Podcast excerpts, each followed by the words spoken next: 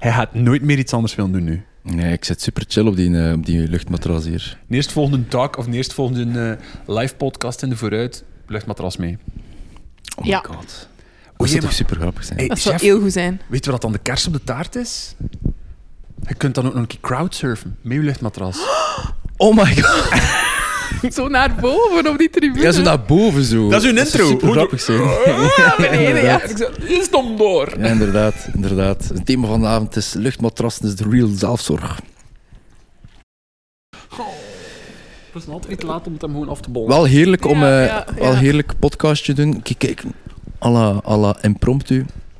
Met ons Nina Mouton. We zijn al aan het opnemen. Oh, heerlijk. Heerlijk de perlie. Oké. Oké, ik ga zelfs... oké, gewoon, ook al is het nutteloos, ga ik het toch doen. Ik geef u een nutteloze klap. En een nutteloos blikje open gedaan. En dan, hij hebt niets voor te drinken, Nina. Ik heb nog koffie. Oké, wauw. Ik ga straks wel wat water halen of zo.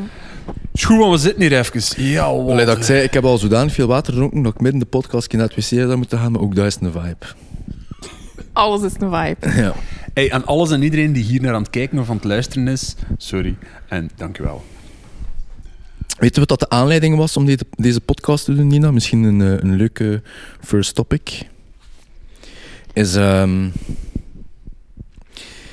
hey, we hadden al, ik denk dat na onze podcast in ok was in oktober, over veerkracht, hadden we zo gezegd van, ah, het is eigenlijk wat wij zijn om gewoon zo nog een keer samen te zitten. En, Nee, we hebben al gezegd, de eerste keer als we hier zaten. In mei. oh ja, het is juist, want toen... eh, ja, ja, ja, ja, inderdaad. En dat was eigenlijk de eerste keer dat we elkaar Ja. eh, gezien hebben toen. Aan zo'n instant match. En ik, ik, eh, ik, ga, ik ga ervan uit dat, dat dit een samenkomst is, gewoon omdat wij zo... Ja, gewoon goed klikken. Ik kan dat nu voor u niet invullen, maar van mijn kant wel. Van mijn kant klinkt het, klinkt het wel. Oei, Dus dat, is, hier- dat is hier zo een... een Een beetje rug tegen de muur situatie. Ja. ja, ja. ja, dank ja u, voor dank u. mij niet. Voor mij niet, zegt hij dat, voor mij niet. Maar dat is ook oké. eh, Dat is ook oké. Nee, nee, maar voor mij zeker ook. En wij, wij, wij, ik denk dat eh, jij met Niklas eigenlijk veel apart, veel gesprekken hebt over het een en het ander. En eh, eh, jij en ik eigenlijk ook. En eh, we hebben nu sinds recent zo'n vrijwijze groepchat, The Boys en Nina Mouton. Yes. Jij, van waar komt dat eigenlijk, The Boys? Ik weet dat niet, dat is... ehm allee, ik weet dat wel. Ehm Katrien, onze gezamenlijke uitgeefster. The Legend. De legend. to Katrien. Echt waar. Daar kunnen we ook een volledige podcast over vullen, denk ik, over Katrien. Eh, maar ehm, ik weet niet, het ging over jullie. En dan is het woord The Boys eh, gevallen. En sindsdien ehm, zijn jullie dus The Boys. Dat is... Eerst ja. was The Boys van onbespreekbaar, maar eh, Ah, ja, ja, ja, ja, ja. je ziet ja. dat er niet zoveel boys in, tal- in de mental health space zitten. Mhm. Het is toch zo? Eigenlijk is dat zeer waar. Dat is raar dat, dat wij daar nog altijd ook, by the way. Hè. Het, zijn zijn. zo'n- het zou wel tof zijn om meer de boys te zien in eh, de mental health space. Dus ja, kijk, ik, eh, ik, onlangs, de laatste keer dat we zeiden tegen elkaar, oh my god, nu moeten we echt in een podcast een keer opnemen, heb, hebben jij en ik in een gesprek gesproken over het verschil tussen ehm, dat, we, dat, dat jij en ik, ik kan zeker van ons drie spreken, ons al een keer ongemakkelijk voelen wanneer dat mensen ons buitenproportioneel behandelen gelijk of dat we ik weet niet wie zijn. Weet je nog wat ik wil zeggen? Ja. Ja. En ik had toen zoiets gezegd van... Behandel mensen gelijk celebrities en zij zullen u behandelen gelijk fans. Weet je dat nog? Ik vond dat wel een heel toffe... Misschien een beetje out of the blue, maar ja, bon, heel deze podcast is out of the blue. Een beetje like de matras waar ik op zit. En ik vond dat misschien wel een, eh, ik vond dat misschien wel een keer cool om over te spreken hoe dat hij daarmee omgaat. Want, want, want ehm, dus het principe is eigenlijk voor de mensen die, die luisteren, shout-out jij, mama. Oh my god. Ze, eh, Ik ga dat maar rechter zetten, want zijn mama kijkt. Dit is belangrijk. niet bij met parentificeren, hè, Nina. Het is nog te vroeg in de podcast. Ja, Dus- sorry. Zeer vroeg zo'n commentaar. Ik dacht... Eh, ik, ik, ik, her- ik herken het zelf ook. En zo dat principe van eigenlijk... eh, je komt ergens toe en mensen... Oh my god, de Nina Mouton of, of die gast van Onbespreekbaar. Eh, en dat kan soms een beetje een afstand creëren, wat dat spijt is. Want die mensen bedoelen dat heel goed. En ik, ik herken dat ook. Als je mensen behandelt gelijk celebrities, gaan zij je behandelen gelijk fans. Maar omgekeerd ook. Als jij je community behandelt gelijk fans, dan, dan, dan creëerde ook die verbinding niet meer. En voor Nicolas en mij is het altijd een soort van heiligheid om gewoon met mensen laagdrempelig te connecteren. Um, in, in, in de zin zelf van, uh, ik maak daar een beetje een sport van. Ik weet dat er mensen zijn, als ze mij zien als Eagle, dat is vorige week donderdag nog gebeurd, die, die, ja, dat is precies zo'n Justin Bieber ervaring voor die mensen. Dat is raar dat ik het zo zie, of dat, dat ik het zo interpreteer, maar ik probeer altijd te zeggen van, hé, hey, het is oké, op het gemakske, gelijk mijn kak stinkt ook. Uh, Iemand zei dat ik tegen mij moet dat zeggen. En dan is het ah, oké, raar. En dan zie ik soms, raar maar waar, dat bepaalde mensen die eigenlijk fans zijn, die dan zien hoe normaal ik eigenlijk ben in het dagelijks leven. En ik spreek ook waarschijnlijk voor jullie. Ik ga hier ergens mee naartoe, hè. Uh, dat, die, dat, um, dat die na een tijd eigenlijk opeens zelf geen fan niet meer zijn. Hoe bedoelde geen fan? Want dat klinkt alsof ze zich keren. Maar keren wil ik niet zeggen, maar ik heb het eerder zo over van... Amai, Eagle, ze hadden daar een bepaald gedacht van gecreëerd. En dat gedacht leeft ergens in een vacuüm. En ze zien mij in het echt en ze zien dat ik eigenlijk meer zoals hen ben. En, ik, en dan zie ik van, ah, oké, wow. En ze, ze zijn opeens wat minder van. Voor anderen is dat net een bevestiging van, ah, oké, tof dat hij in het echt misschien sympathiek is. Maar ik zie dat ook zo zeker uit de, uit de scene. Ik denk dat heel veel rappers bijvoorbeeld als je een steendak smijt, ik pak zeker niemand individueel aan, maar zo de, de hip-hop scene waar dat draait rond, rond veel geld en, en rond status. En de mensen die dan fans zijn van bepaalde van die hoge rappers, zouden eigenlijk zelf wel zo willen zijn. Dus als die een rapper dan in het arrogant blijkt te zijn, is dat eigenlijk nog een keer een bevestiging van, ja, maar ja, zo zou ik eigenlijk ook wel willen zijn. Ik zou ook wel populair willen zijn en, op die manier mijn leven leiden. En als dan een celebrity waar je naar opkijkt het omgekeerde is, ik, gebruik, ik spreek nu celebrity in de brede zin, dan is dat voor sommige mensen zoiets van, ah, oei, en um, ik vraag me af welk, hoe dat hij daar dan mee omgaat. Dat met zo, als mensen nu je zult dat ook wel tegenkomen. Oh my god, die dan moet tonen. Hoeveel zacht, zenuwachtig zijn om je te zien. Of, of heel van de melk, melk zijn als je zien. Terwijl wij, gelijk dat zelf zegt in mij, uh, wauw, dat rijmde. Wij hebben elkaar leren kennen. En ik ken u niet anders. Ik kan mijzelf niet, niet ik kan mij dat statusdom van u niet inbeelden. Ook al zie ik u wel op, op Instagram. Ik ken u als een heel zachte, lieve, warme, grappige madame of zo. En ik, kan, ik vind dat... Hoe, hoe, voel je dat zelf aan, die situaties? Ja, ik kan dat, ik kan dat wel... Um bevreemdend vinden, omdat dit. Um, ik ben hiermee begonnen tien jaar geleden of zo, met bloggen. En ik had zo een blogje. En dan had ik een Facebookpagina waar mijn zus nog zo een banner heeft gemaakt toen ik 100 volgers had. Wauw. Ja, ja. Oh my god. Ja. En zo is dat begonnen. En mensen die zo er nu instappen, hebben dat helemaal niet mee. Hoe klein dat dat allemaal begonnen is en hoe natuurlijk dat dat allemaal gegroeid is. En hoe, ja, de kansen die ik gekregen heb en de kansen die ik genomen heb. En, en de, de dingen die ook gewoon heel um, natuurlijk op mijn pad zijn gekomen. En voor mij is er zo geen voor en na of zo. Buiten mijn boeken, dat is wel een voor en een na. Voor u als persoon dan? Ja. In de voor en na. Omdat ik ben nog altijd Nina. Ja. Terwijl dat... Allee, als Ik ben een keer heel kwaad geweest omdat ik um, werd geframed als de opvoedingsgoeroe. En dat vind ik heel um,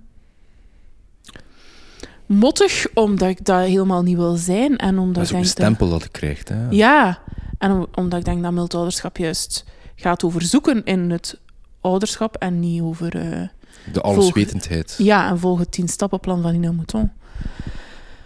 Um, dus ja, soms is dat wel bevreemdend. Langs de andere kant, van de week was er iemand die... Um, ik was naar de OK geweest. En uh, dat is nu mijn nieuwe winkel. Ik vind dat de max, want er is... Alles is daar, maar je hebt niet te veel keuze. Snap je? Het is eigenlijk wel oké, de winkel. Het is echt oké.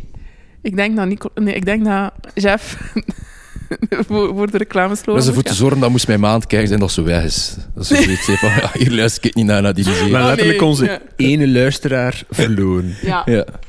Of de enigste. ja. wegsfeer. Dus waren oké? Nee, ik was mijn boodschap eigenlijk aan het inladen in mijn auto. En er was iemand die vanuit haar raamje zo naar beneden, die passeerde en die, die liet haar raamje zo zakken. En die zei zo ehm, hoeveel ze had gehad aan mijn boek Zelfzorg en hoe tof dat dat was. En, eh, en merci.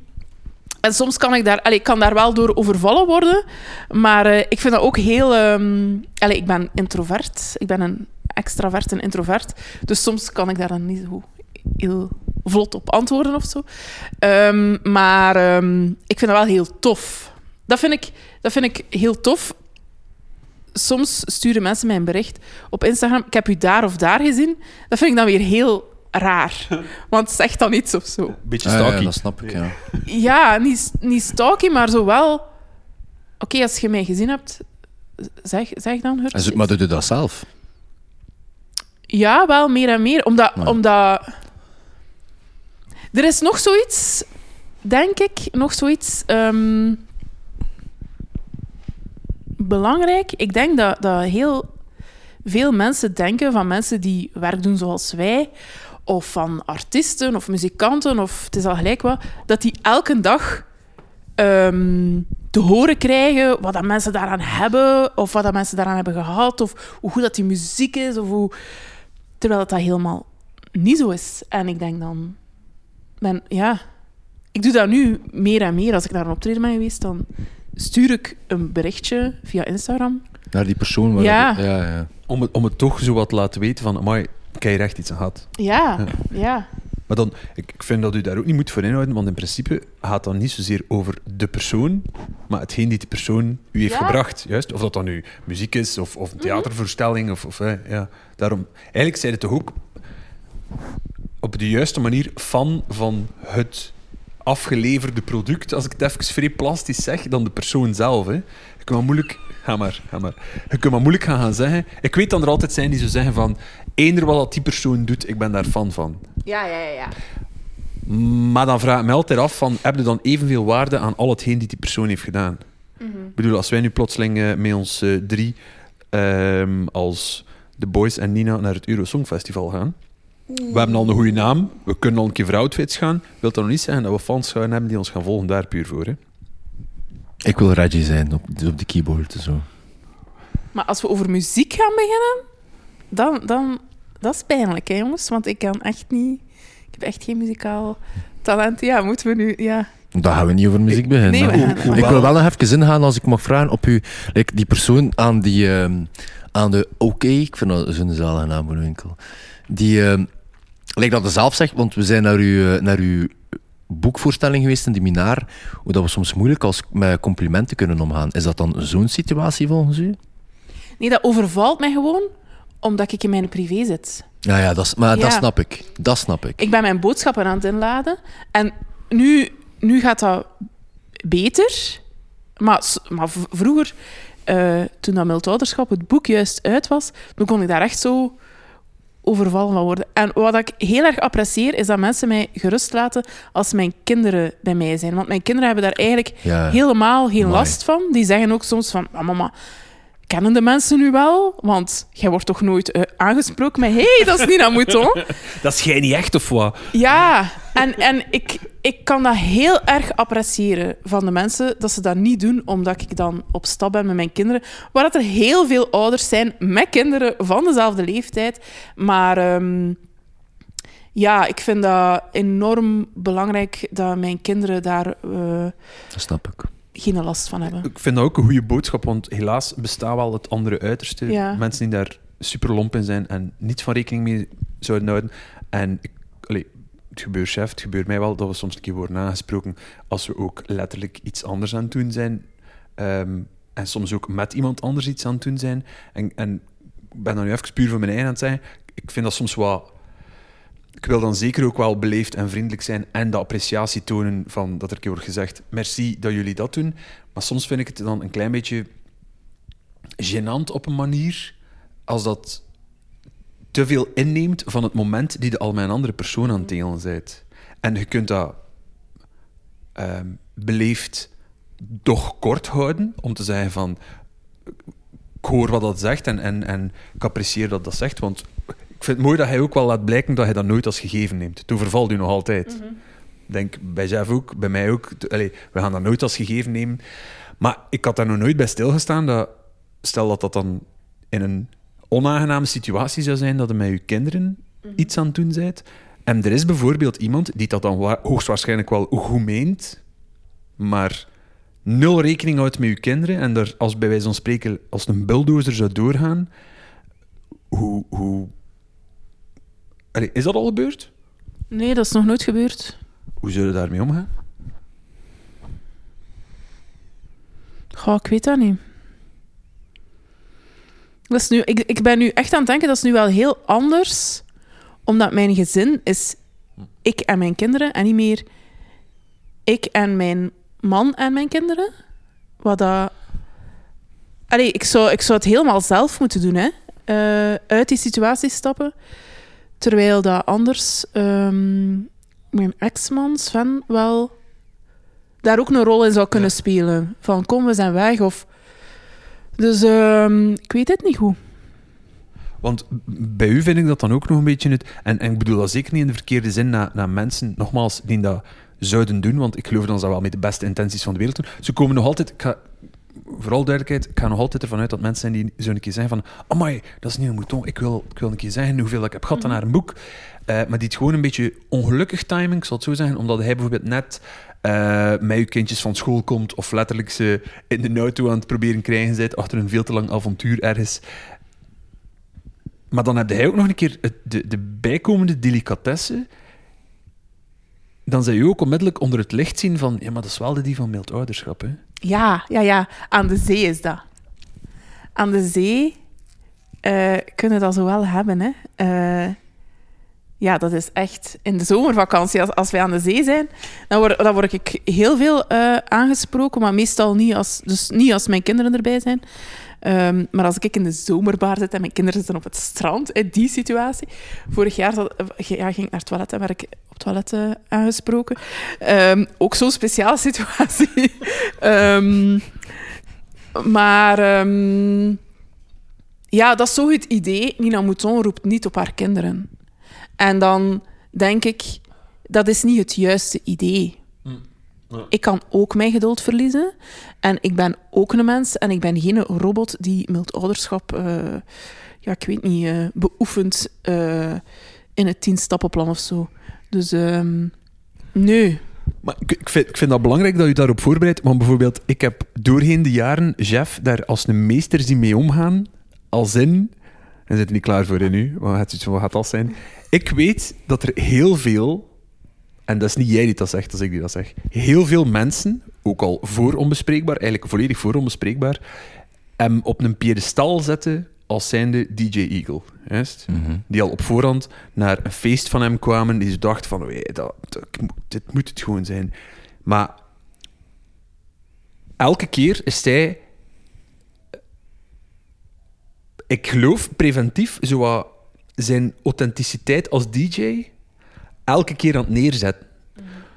Omdat zijn, zijn... Hij krijgt er entertainment bij, ik ga het zo zeggen. Is hij al ooit keer, heb hem al, al een keer in het echt in actie gezien? Oké. Okay. In echt in actie gezien? In echt in, in actie. Ik heb daar juist moeten zien in de action, maar het was nogal een komische boel met drie zakken. Zo twee keer half geval met mijn velo. Het komisch was altijd wel geweest. Maar ook dat is echt... Nee, wat ik ermee bedoel is dat hij zo... Als hij bijvoorbeeld aan het draaien is, is hij um, ook entertaining. Dus hij is ook letterlijk aan, aan op de DJ-boot aan het springen, uh, aan de verlichting aan het hangen op een bepaald moment, naarmate hoe goed dat de stemming zit. True story, hè? Klopt. Het is al wel een keer gebeurd. Het is al wel een keer gebeurd. Voilà. En hij smijt dat erbij, omdat hij dat er ook altijd bij gesmeten heeft. Omdat hij ook zoiets heeft van, dat, dat hoort bij mijn personage op die avond, die daar ook mag zijn. Ik zie dat hij daar ook elke keer van genoten heeft. En waar dat mijn punt naartoe gaat, is dat hij dat niet gaat afremmen om te zorgen... Ja, maar ja, mijn DJ-set moet hier perfect zijn voor die ene fan die hier achteraf zou zeggen van, hey, maar dat, sorry, maar dat, dat ja, klopt niet. Hè. Dat kun je niet aantrekken en zoiets. Ja, maar ja, ben blij dat hij dat zegt. Ja. Maar dat is wel een belangrijk punt die hij eigenlijk ervoor zorgt dat de mensen die u bijvoorbeeld op een piedestal zetten, lijkt dan ze u bijvoorbeeld ook op een podium zouden zetten van, ja, maar dat is die die niet op haar kinderen zou roepen. Maar dat is een foute boodschap geven. Dus dat een van mijn favorieten is uh, in die categorie als DJ, is dat een keer op een all-nighter. Daar denk ik, ben ik voor, voor meer mensen meest voor gekend, denk ik. Zo mijn all-night long DJ-set, 7, 8 uur lang. Ja, min van nacht krijg je een keer een hongerke. En op, op, en op, op die app Takeaway of, of I don't know. Um, een heel hoop pizza's besteld, in het midden van mijn DJ-set. En dan komt er zo, in het midden van DJ-set, zo een komt er zo'n courier toe, die zo aan een club staat en zegt, ja, ik heb hier vijf pizza's mee voor DJ Eagle. En die zet dat dan in mijn DJ-boot en ben ik zo op mijn gemak een pizza aan het binnensteken en iedereen zo wat pizza-slices aan het geven. Dat vind ik de max, zoiets. Dat is zo dat, dat menselijke dat daar wel in mag primeren. En omdat ik spreek over dat menselijke dat mag primeren, ik kan mij ook wel voorstellen...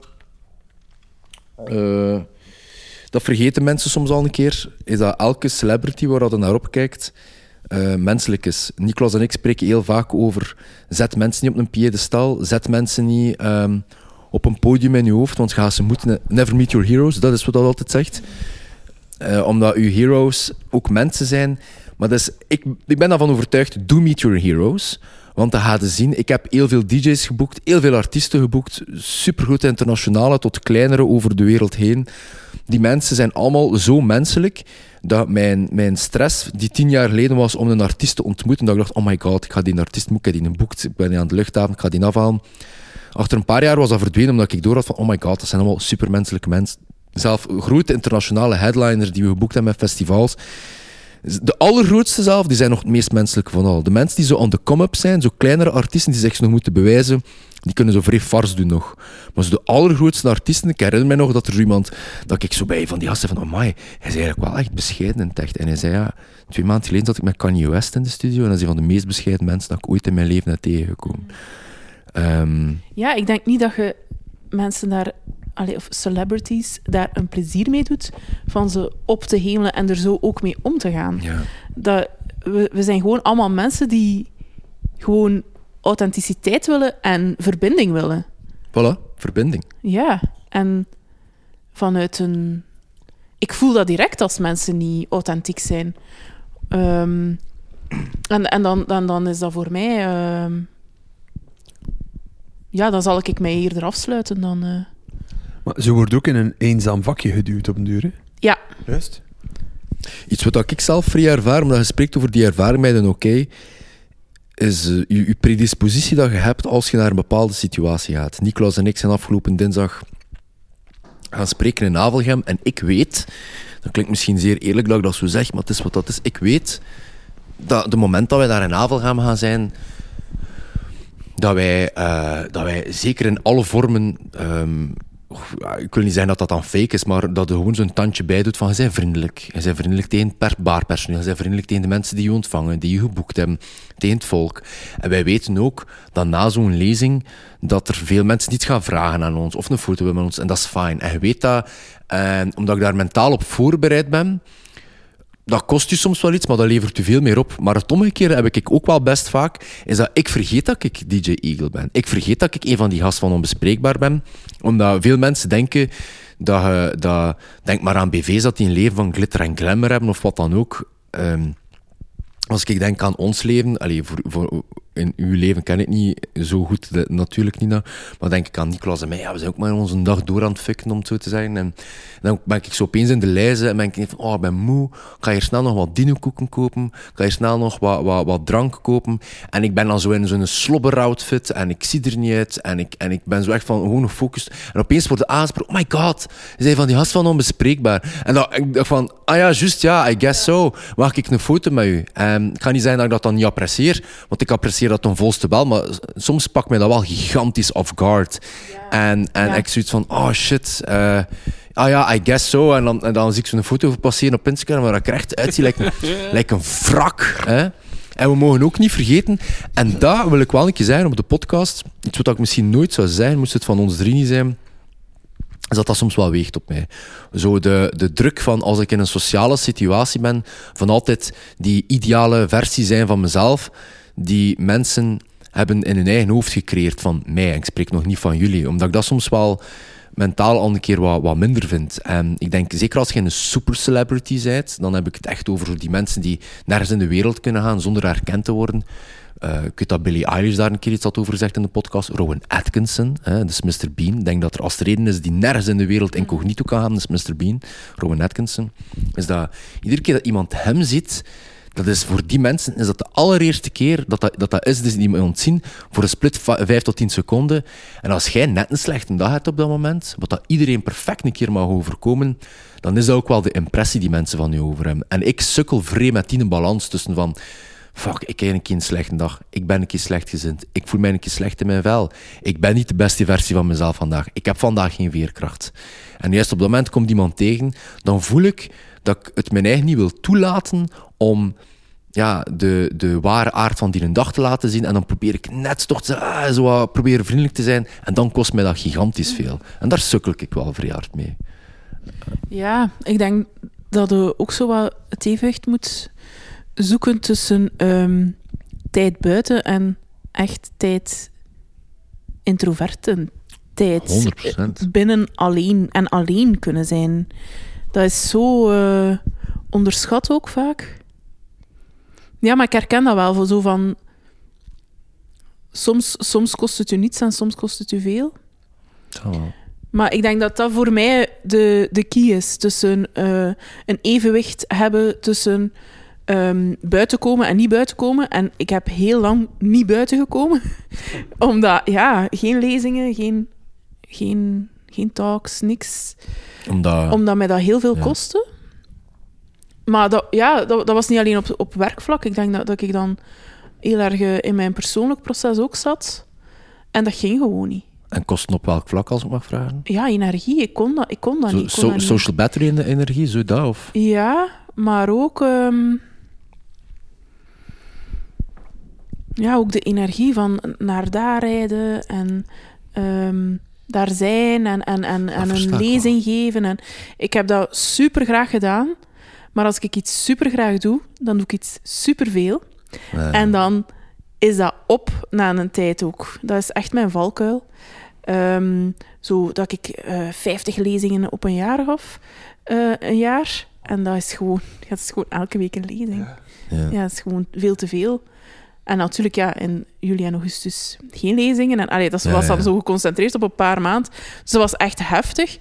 Maar ehm, Ja, zeker op u alleen, hè? want Niklas en ik kennen elkaar nog. Hè? Samen op baan, Ja. samen de lezing. Wij doen Ja. er soms twee, drie in de week. mhm, Maar we hebben elkaar. ja, Dat scheelt dat- zwaar, hè? het scheelt gigantisch veel. hè. Absoluut. Zeker ook omdat het, ook tijdens een lezing, ehm, als wij even een pauze nodig hebben, letterlijk, allee, zo, zo, wij durven soms te zeggen, wij werken à la tête du client. Dus als de mensen die zeggen van wilde hun een keer afkomen en kan dat een uur duren, mag dat twee uur duren.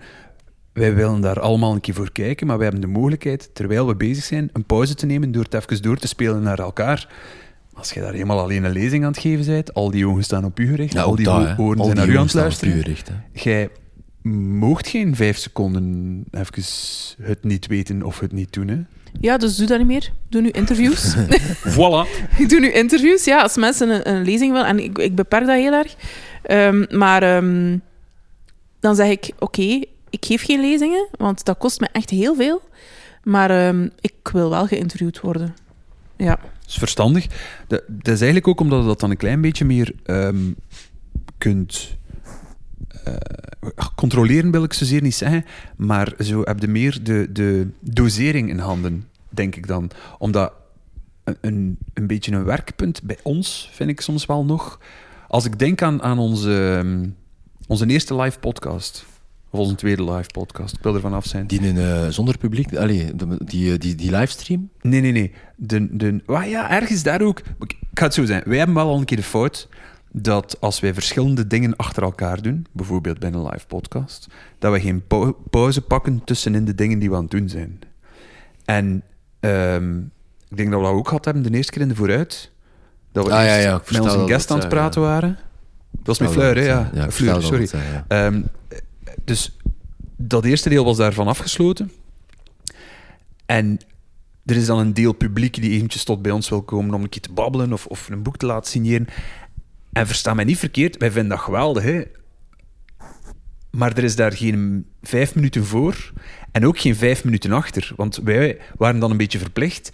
Allee, en ik weet dat dat nu... Ik bedoel dat echt niet verkeerd, dat is niet uit de hoogte dat ik dat zeg of zo. Maar wij waren verplicht om te zeggen, ja, maar we gaan hier dan wel moeten afronden, want we moeten per direct aan nog een uur taak beginnen. En dat is iets die wij nog een beetje aan het ontdekken en aan het leren zijn. En een podcast over grenzen dan nog wel. Ja, op dat moment. Maar waar erbij, Nina? Ik weet nog Ja. dat ik op het einde van de Sorry. avond tegen u zei toen van... van amai, eh, en jij herkende dat sentiment. Want ik zei tegen u van, oh, ik vind het spijtig, je bent hier een hele avond geweest en ik heb geen twee minuten met u kunnen spreken. Ik heb geen Ja. twee minuten met u kunnen spreken, met mijn vriendin niet, met mijn ma niet. En dat zijn zo soms wel de dingen ook. En toen dat wij naar uw boekvoorstelling zijn geweest, daarna was er nog een, een drink of een signeersessie. En Niklas en ik zijn gewoon naar huis gegaan, omdat we de situatie herkenden. eh, herkenden sorry, van... Ja, Nina gaat hier even overrompeld worden. En ik heb je toen een WhatsApp gestuurd. Ik zei van, Nina, al respect, maar we zijn naar huis gegaan omdat we, ja, we gaan nu toch niet, niet spreken. Eh, en, en hij zei toen tegen mij, dat is eigenlijk spijtig, want hun zijn juist ook van de mensen dat een keer al, al willen spreken.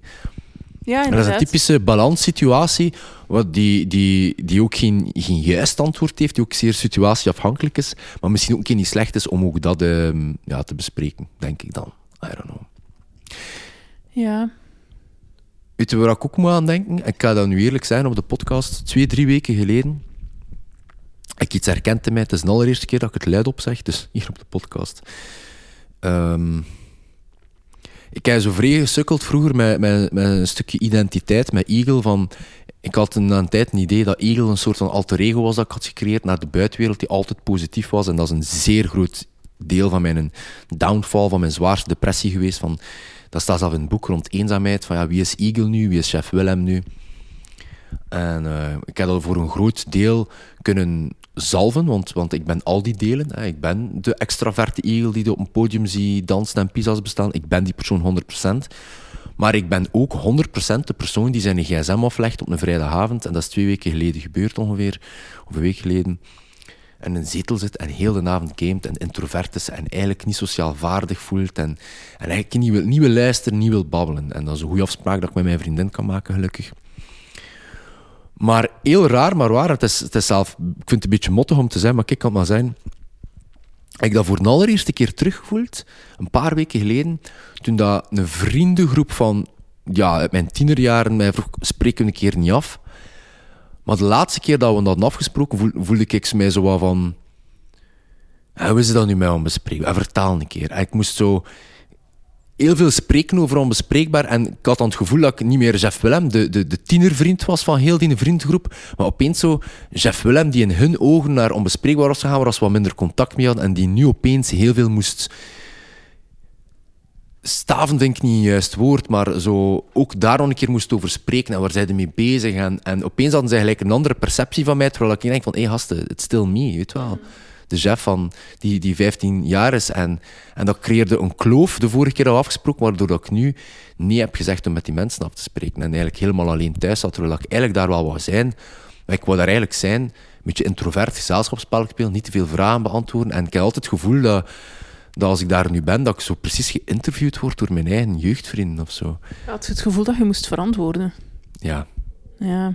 dat ik zo van, ja, kan je daar iets zien zijn in die podcast? Ja, pas laat aan. Dan denk ik van, dat is die podcast. Dat leeft buiten deze space, verstaan? En ik pak hun er dat ook niet kwalijk. Eh, totaal niet, want dat klinkt nu misschien een beetje gemeen dat ik het zo zeg, maar het is, het is misschien gewoon een keer ventileren dat ik doe. Of, of, ik vind dat dan spijtig, want ik wou daar eigenlijk wel zijn, maar ik wou ook zo gewoon op mijn gemak zijn. Zo een beetje een stukje mijn introverte zelf, maar dan binnen de vriendengroep. En vroeger was dat oké. Er werden mij geen vragen gesteld. En nu zo, ja, chef, of dat. En, eh, of, of kan je daar iets in posten of dat? Dat vond ik niet oké, of dit of dat. Dan denk ik van, oké, maar dat is die space. Dit is, dit is voor mij een safe space die het nu even niet meer zo aanvoelt. Ik ik vind dat je daar iets eh, super belangrijk aanhaalt, omdat ik geloof dat dat bij u even hard moet aanwezig zijn. Dat ehm, er wordt waarschijnlijk veel te veel veralgemeend. Dat jij dan bijvoorbeeld, met, als er een nieuw boek uitkomt, of wij als we dan een keer een, een episode hebben die net iets meer aanslaat door guest of topic of wat dan ook.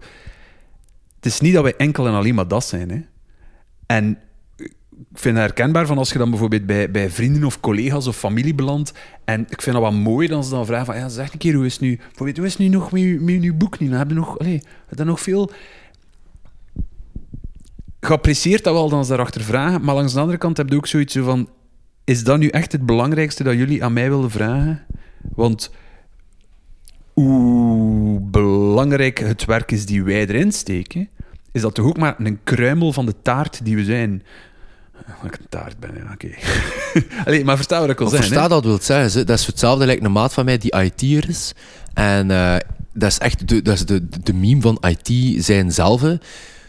Je komt op een feestje met je maat en zegt... Ah, terwijl dat hier zit, wilde hij een keer kijken naar mijn printer die niet werkt. En ik ervaar, raar maar waar, sinds dat wij onbespreekbaar worden, twee of drie jaar, ben ik opeens... Iedereen zijn een psycholoog bij wijze van spreken. Ben ik op een feestje, denk ik... Maar ik heb een zware week gehad, ben ik blij dat ik er hier een keer kan zien. Om introverter te zijn. De avond gaat drie, vier uur verder. Iemand zet zich naar mij. Ja, ik heb de laatste tijd zo wat problemen met dit of dat. En denk ik van... Oké, maar... Dat kan de bedoeling niet zijn. Dat kan hier de bedoeling niet zijn dat ik. Dat ik eh, en da- daar vind ik het wel moeilijk, want ik spreek wel over dat ik goed mijn grenzen kan trekken, maar in die situatie kan ik dat bijna niet. En dan ga ik twee dingen doen: ofwel ja, echt luisteren, ofwel zo'n excuus verzinnen en naar huis gaan. En ik vind dat, ik vind dat zo wat- En die misvorming, we hebben dat allemaal. Alleen niet allemaal. Hè. Ik bedoel, als je een boekhouder bent, gaat er maar weinig mensen vragen op een feest van... eh, Maar ik weet dat niet.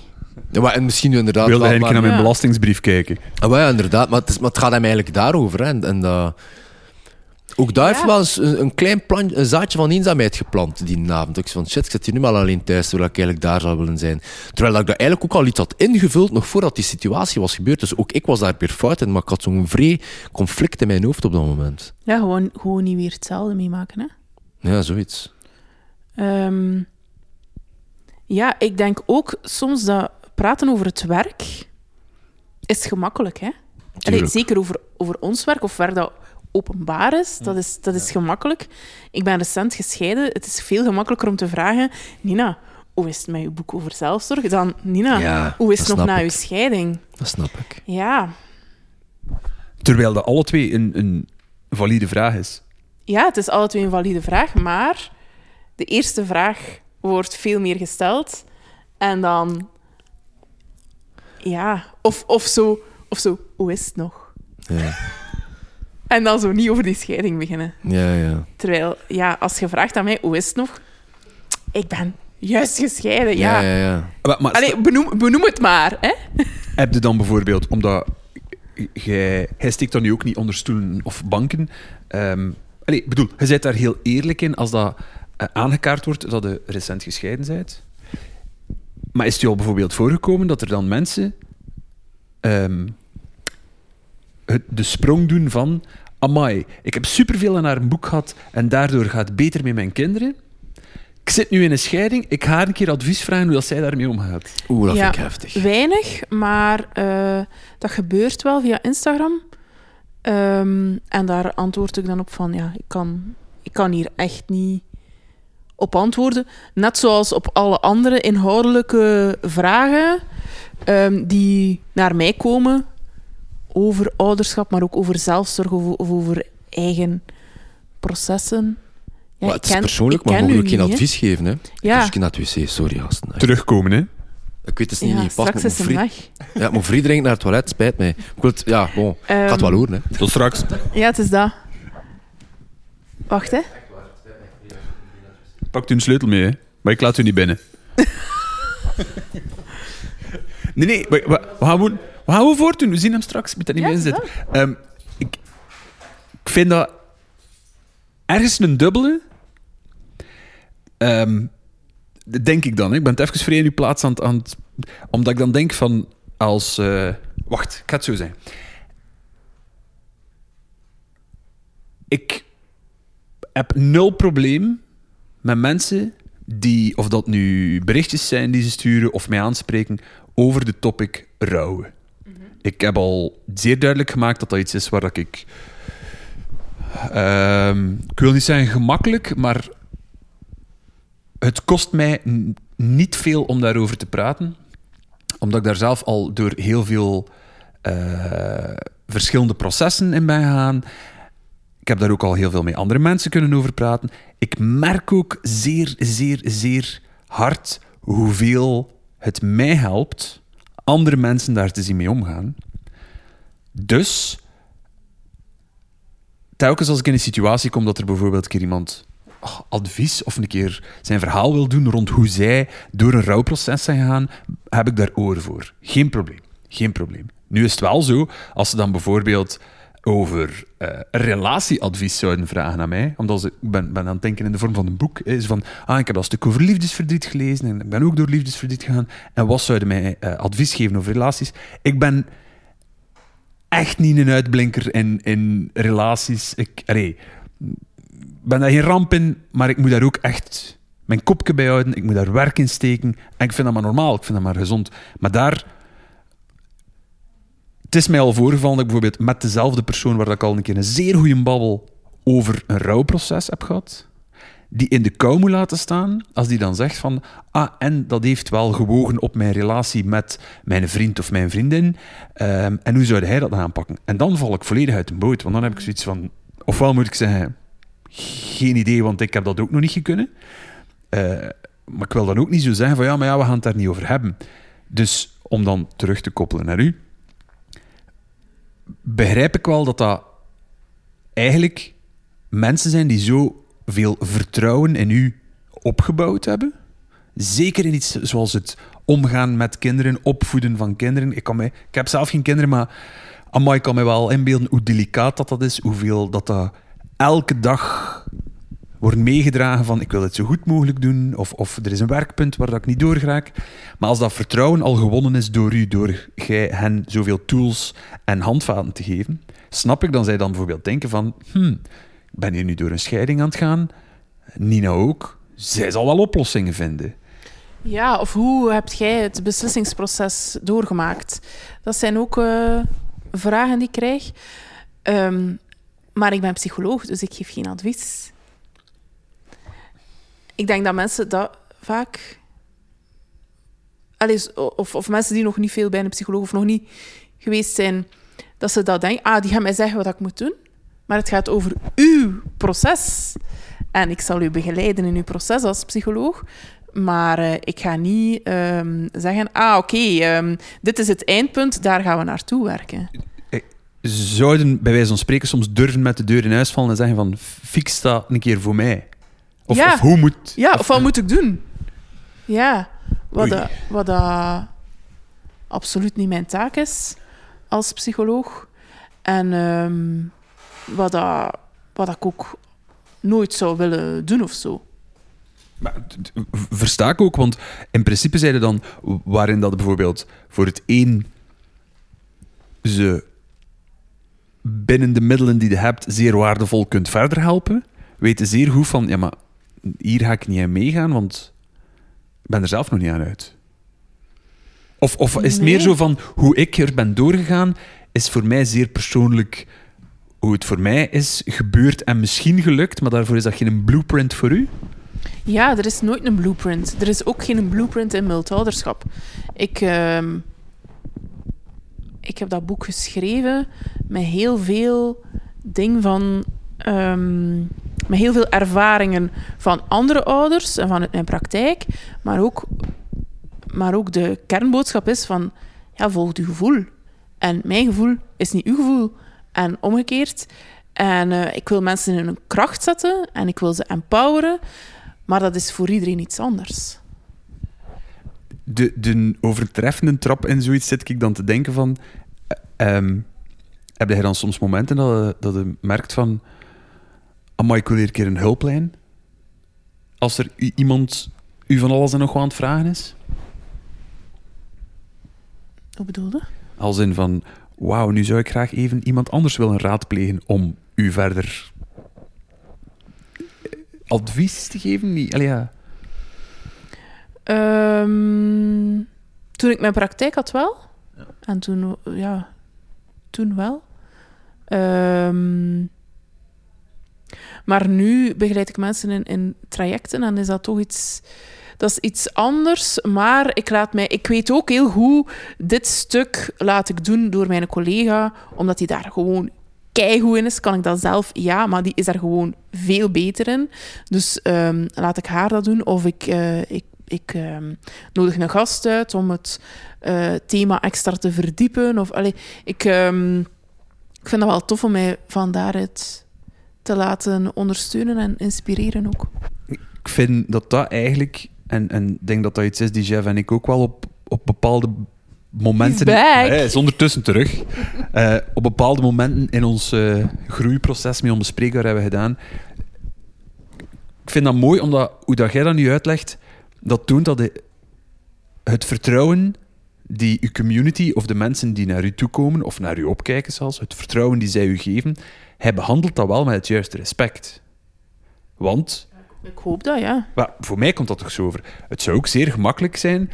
Allee, nogmaals, ik wil ook geen niet speciaal namen noemen, maar er zijn andere celebrities of, of mensen die bijvoorbeeld ook ehm boeken schrijven of, of talkshows hebben of podcasts hebben, die plotseling expert zijn in alles.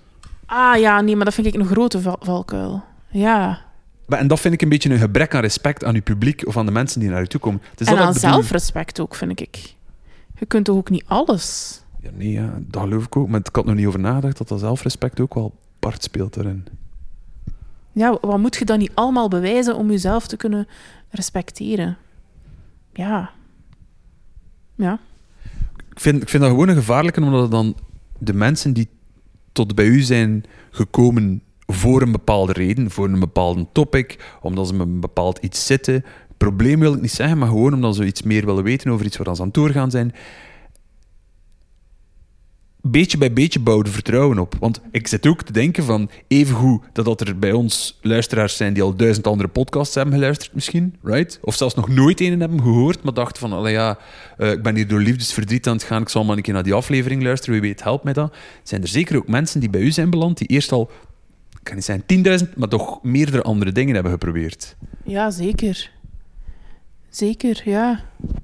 Ehm, en ik denk, ja, ik denk dat, je, dat dat ook een stukje beroepseer is, dat je mensen ook moet kunnen doorverwijzen naar mensen die, die daarover meer weten of gewoon meer gespecialiseerd zijn. Soms word ik eh, bestempeld als kinderpsycholoog. Ik ben absoluut geen kinderpsycholoog. Er zijn zoveel takken in de psychologie. Ik zeg dat maar om, dat, om dat even duidelijk te maken. Er zijn zoveel takken in de psychologie. Ik ben altijd heel dankbaar als mensen vragen hoe... Ja, hoe, wat is uw titel? Omdat er is gewoon ook heel veel. En je kunt niet in alles gespecialiseerd zijn. En, en je kunt niet... ehm, Maar mensen verwijzen wel door naar mij als het gaat over mild ouderschap en, en zelfzorg. En dat is waar dat ik nu mee bezig ben. En ik voel ook, er komen nog andere dingen. Maar dat is doorheen uw leven ook en, en uw expertise en ja, wat dat je opbouwt. Maar De evolutie daarin dan. Ja, ja. En dan wilde zeker niet vastzitten aan een bepaald label van nee, ga maar naar een die of de dienen, want dat is ja, zijn core business. ja, inderdaad. Ik denk nogthans wel, zoals eh, als professional, dat dat wel een goede kleur is op mensen om te zeggen van, amai, dat weet ik, ik niet. En eh, je ziet dat, dat begint al in het onderwijs, dat begint al te, te, te weinig. Ik was altijd een ambetante leerling die doorvraagde op leerkrachten, omdat ik wist, je weet het niet, hè. Je weet het niet, hè. Zeg gewoon dat het niet weet, weet wel. En ik had altijd veel respect voor zo die leerkracht. Ik had zo voor gedragswetenschappen. Die zei van, eh van oeh, goede vraag zetten, maar dat weet ik niet. Maar weet je wat, ik zal het een keer eh, opzoeken of ga ik mijn research doen en ik zal het je volgende keer laten weten. Dat is ook de mentaliteit dat je, dat wilt. En niet alleen van leerkracht, maar van professionals in het algemeen.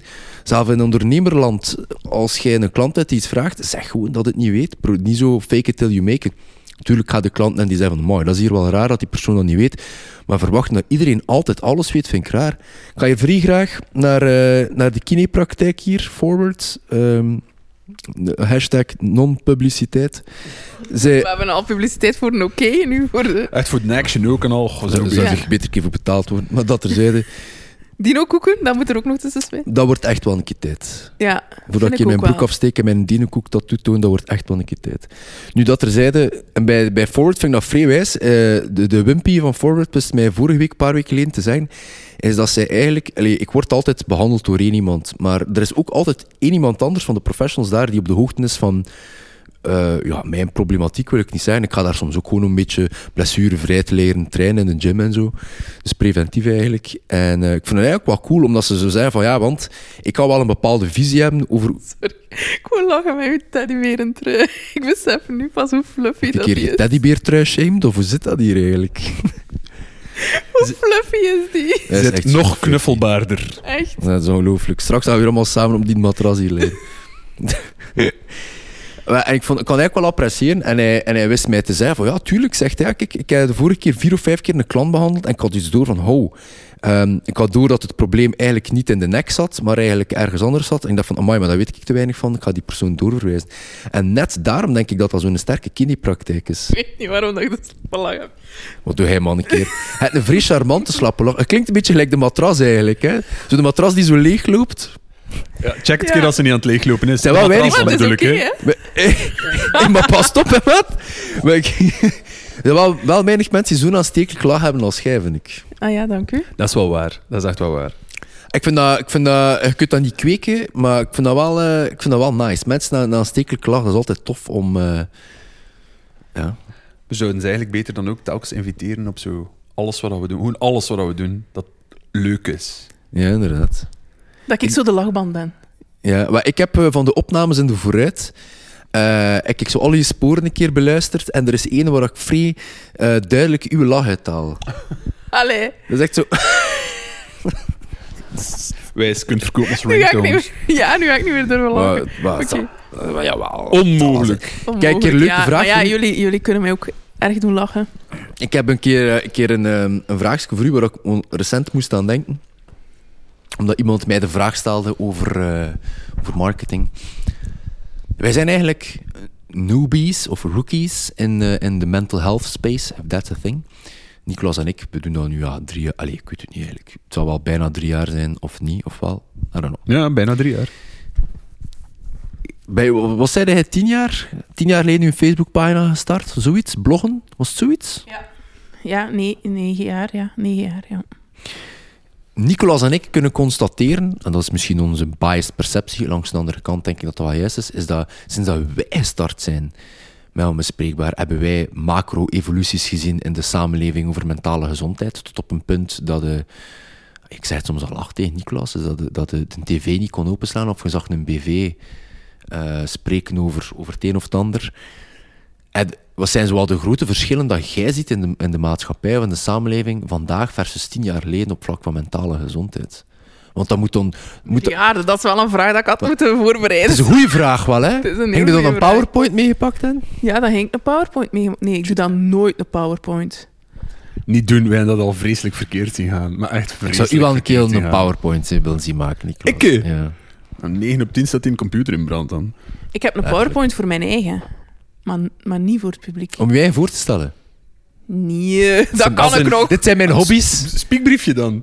Als speakbrief, Ah. ja. Ja, dat snap ik. ja. Ah, maar ik ben gewoon een keer benieuwd, want, want wij hadden best wel de perceptie dat echt alles wel een taboe was bij, rondom bespreekbaar. En nu, vraag, die vraag wordt ons vaak gesteld, ook in media. Hebben jullie het gevoel dat alles nog altijd zo'n taboe is? En wij hebben dan altijd zo'n beetje een tweeledig antwoord. Nicolas, ik denk daar taal van, ik wil het voor u niet invallen, maar ik weet gewoon dat... Doe maar, ga maar een keer. dat, dat, dat, dat, er, dat er topics zijn die mediatieker zijn dan een ander. Eh, Ik denk, ehm, eh, ja, ik ga nu niet per se een voorbeeld noemen, maar er zijn bepaalde topics die, die heel gemakkelijk in de media komen en er zijn andere topics die eigenlijk helemaal nog niet in de media zijn gekomen. Ik kan mij voorstellen dat dat tien jaar geleden nog volledig anders was. Of niet? Ja, Of ben ik vis? Of ben ik mis? Vis. goede verspreking. Ehm, Dank u, dank u. alsjeblieft, alsjeblieft. ik denk over het algemeen dat eh, het taboe op naar de psycholoog gaan wel veran allee, verminderd is. Maar wat ik heel erg zag in mijn praktijk, mijn praktijk is gesloten sinds ehm, 2020 ehm, of 2019 dat heel, dat heel vaak vrouwen bij mij kwamen, Ja. maar niet de mannen. En als de mannen dan meekwamen, dan was het omdat het voor het koppel was. Ja, ja. En niet voor zichzelf. Dus ik, ik, ik ben wel benieuwd, moest ik nu nog mijn praktijk hebben, of dat er daar meer een evenwicht in zou zitten. Eh, maar ja, ik heb mijn praktijk opgeschaald naar online trajecten. En ik doe een online traject over zelfzorg. En geen 5% daarvan is man. Ik zou het al zot vinden, moest 5 procent. Geen 5 Geen 5%. Daar verschiet u nu toch niet van, Nicolas? Nee, maar ik hoopte dat de, de dag van vandaag Ja, dat snap ik. Dat wel toch al... Want geen 5%, Geen 5% is wel dat is zo. echt niet veel, hè? Wa- Wij hebben nu, afhankelijk van, van waar dat ik kijk bij ons in de tijdslijn, wij hebben zo even op 20% mannen gezeten. Dat was het minste, denk ik. En wij zitten zo uh, 65, 35. Mhm. Wat ik de max vind, hè, by the way. Er gaat gaat mij over niks zo enthousiast zien zijn als dat wij meer en meer mannen beginnen te bereiken, omdat ik denk, als wij echt een mental health revolution willen, maar in het algemeen, een revolution in het algemeen, mocht, dat- mocht dat zelf, ik wil dat nu niet zo, zo hard opentrekken, zelf naar feminisme of naar, of naar bepaalde sociale topics, dan gaat iedereen daarin moeten mee zijn. En ik denk, ik vind het mijzelf wel hard pijn om te moeten constateren dat Nicolas en ik mannen zijn, maar dat wij zelf eigenlijk weinig mannen bereiken. En ik denk net dat, Ja. dat ook daar dat, dat, dat, dat dat heel belangrijk is. Ik weet dat aan de hand van vrouwen die ons berichten sturen, mijn partner als man. Hè, voor, voor mij, ik ben daar al lang mee bezig met zelfzorg, maar mijn man, dit of dat. En dat doet mij pijn, maar, maar ja, ik, ik zag onlangs op het internet staan en dat raakte mij vrij, omdat ik zelf vrij dicht bij suicidaliteit heb gestaan. Was, ehm, wanneer weet je dat een man hulp nodig heeft? Wanneer dat te laat is. ja. En dat hoeft nu niet zo zwart-wit te laten als in, eh, als in dat geval te zijn, maar voor ons is dat, voor mij is dat stiekem zowel nog iets van als ik zo zie dat een man stuurt naar om bespreken van my. Het is heel vaak de episode rond liefdesverdriet dat ze ontdekken, by the way, te- for some reason. Ehm, dat doet mij dan veel plezier om te zien van, amai, we kunnen ook wel een keer mannen bereiken. Ook mannen mogen kwetsbaar zijn. Ook Ja, mannen hebben een keer een slechte dag. Ja, en, en ik denk dat dat... Ja, waar begint dat bij mannen? Dat is dus een beetje... Ja, bij, is, dat, is dat de opvoeding? Is dat de maatschappij? Is dat... eh, er ligt daar toch nog gelijk een heel veel harder stigma rond bij, bij mannen dan dat dat bij vrouwen is, jammer genoeg. Maar ik, Ja. ik, ik steek er ook mijn hand voor in het vuur. Zowel, ik heb dat zelf zo aangepakt eerst. En ik heb dat gezien bij mensen rond mij. Bij mannen rond mij, zo wil ik het zeggen.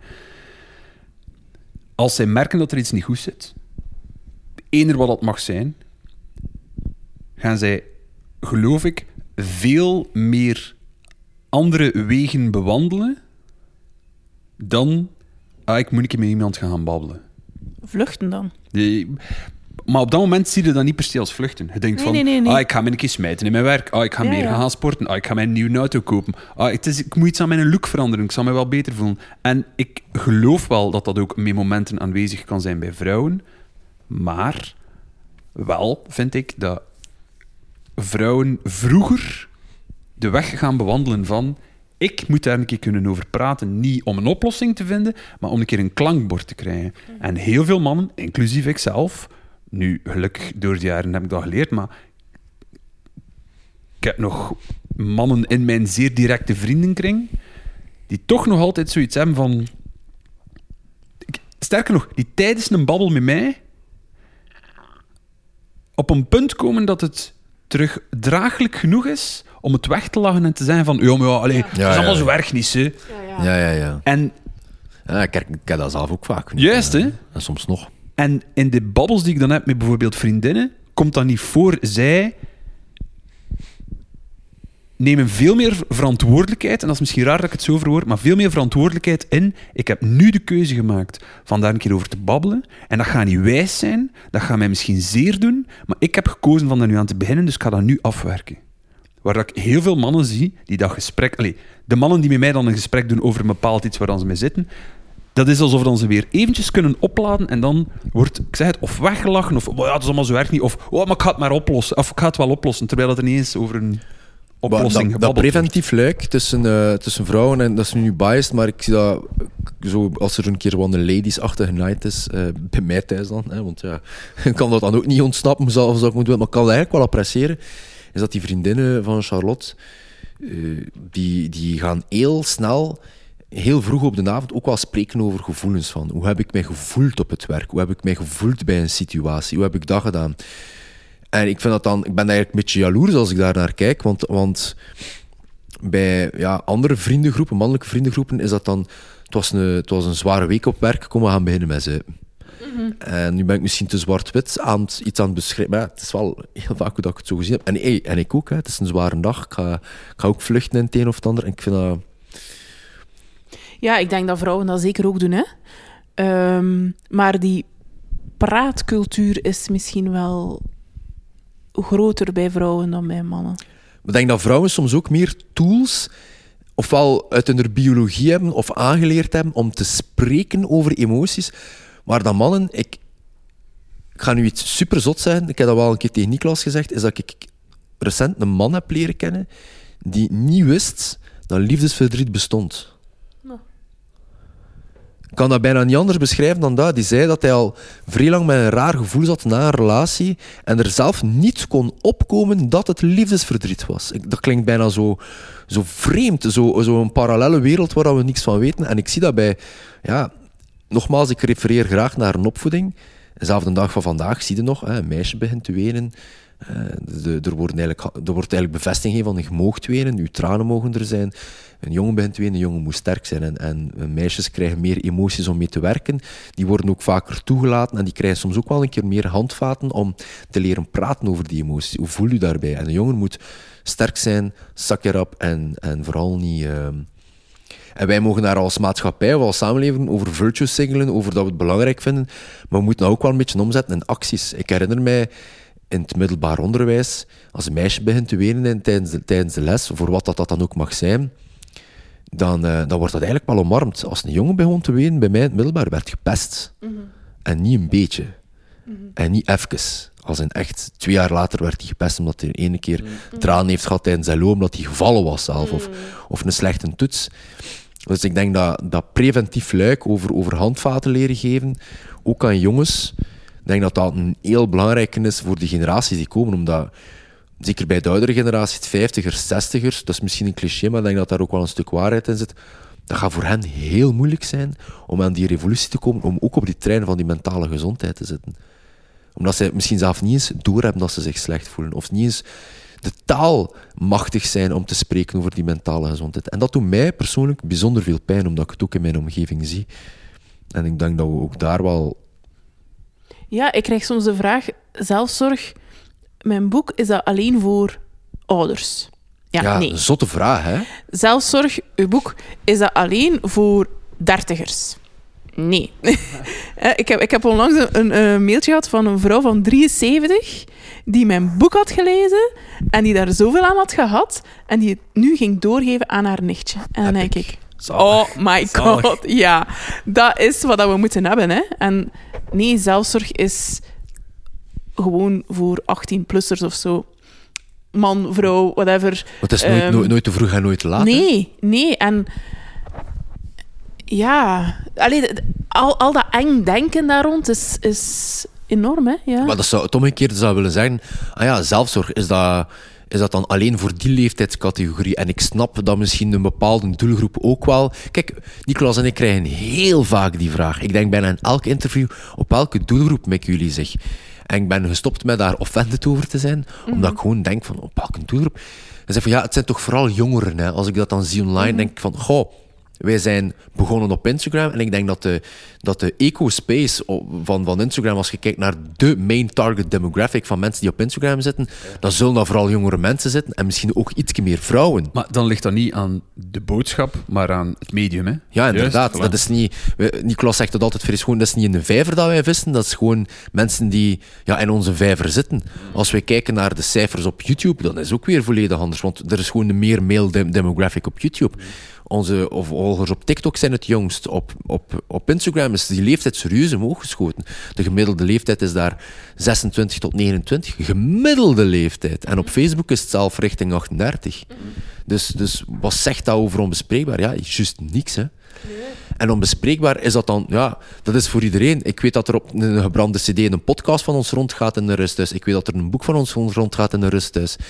Zelfs bij de jonge leeftijd, dat is toch alles wat dat je kunt wensen. Of dat je nu niet naar moet of, of onbespreekbaar En, Ja, en kijk, ja. wa- waarin dat ik vind dat wij een, een, ehm, een grote overlapping hebben in hetgeen wij eh, de wereld ingestuurd hebben, is zeker, zeker uw, uw recentste boek, waar dat ik ook wel veel aan gehad heb. En nog, altijd, en nog altijd niet door ben, Ah. want dat is juist mijn punt. Is, Ik ging dat op één dag doen. Ja, maar ja, die fout, die fout dacht ik eh, dat dat een goed idee was. Dan moest maar- ik er toch nog even bij zien. Nee, maar het gelijk. Het gelijk. Dat was, dat was super dom van te denken van ik ga dat op één dag doen. Nee, dat was niet dom. Dat was gewoon ehm, Dat is niet hoe dat heel werkt. erg ehm, positief gedacht.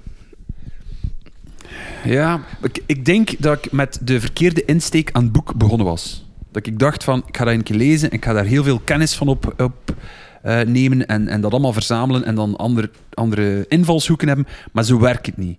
Eh, Ik ben blij dat ik de boek op een, op een cruciaal moment even neergelegd heb. Dan eventjes verder heb gedaan, dan weer heb moeten neerleggen. En dat is eigenlijk exact waar mijn punt op is, van die overlapping. Zowel uw boek, uw, uw recentste boek en ons boek, en zowel bijvoorbeeld ons podcast. Je kunt echt enorm cherrypicken. Dus je kunt echt letterlijk zeggen van... Ik ga een keer naar dat kijken, ik heb een keer dit nodig, ik wil een keer verder werken aan dat. Ik snap bijvoorbeeld zeker... Uiteindelijk gaat die een boek afgerond zijn voor mij. En ik zeg niet uitlezen, want afgerond wil ik zeggen... Ik ga een keer moeten terug beginnen aan een bepaald stuk. Ik ga een keer even iets moeten herlezen of terugbladeren. En ik weet dat er mensen zijn die dat bij ons een boek ook doen. Ja, Bijvoorbeeld... jullie boek heb ik niet chronologisch... Maar, ik, ik- Maar nee, dat is ook de ja. bedoeling niet. Ja, ik doe, ik doe dat ook niet graag. Maar en het, ik, ik vind dat een super compliment als ik bijvoorbeeld een keer, als er iemand dat zegt of een berichtje stuurt of, of tegenkomt, dan ze zeggen van, ehm, ja, ik heb alles gelezen, behalve dat stuk. Want ik ben er nog niet klaar voor, omdat ik daar zelf nog veel mee zit. En daar is niets verkeerd en dat is supergoed. Als, als dat uw manier is van iets aan te pakken, love it. Dat, je, je moet niet... Bewijs, dat, bewijs dat je eigen grenzen ook een beetje kent. Hè? absoluut.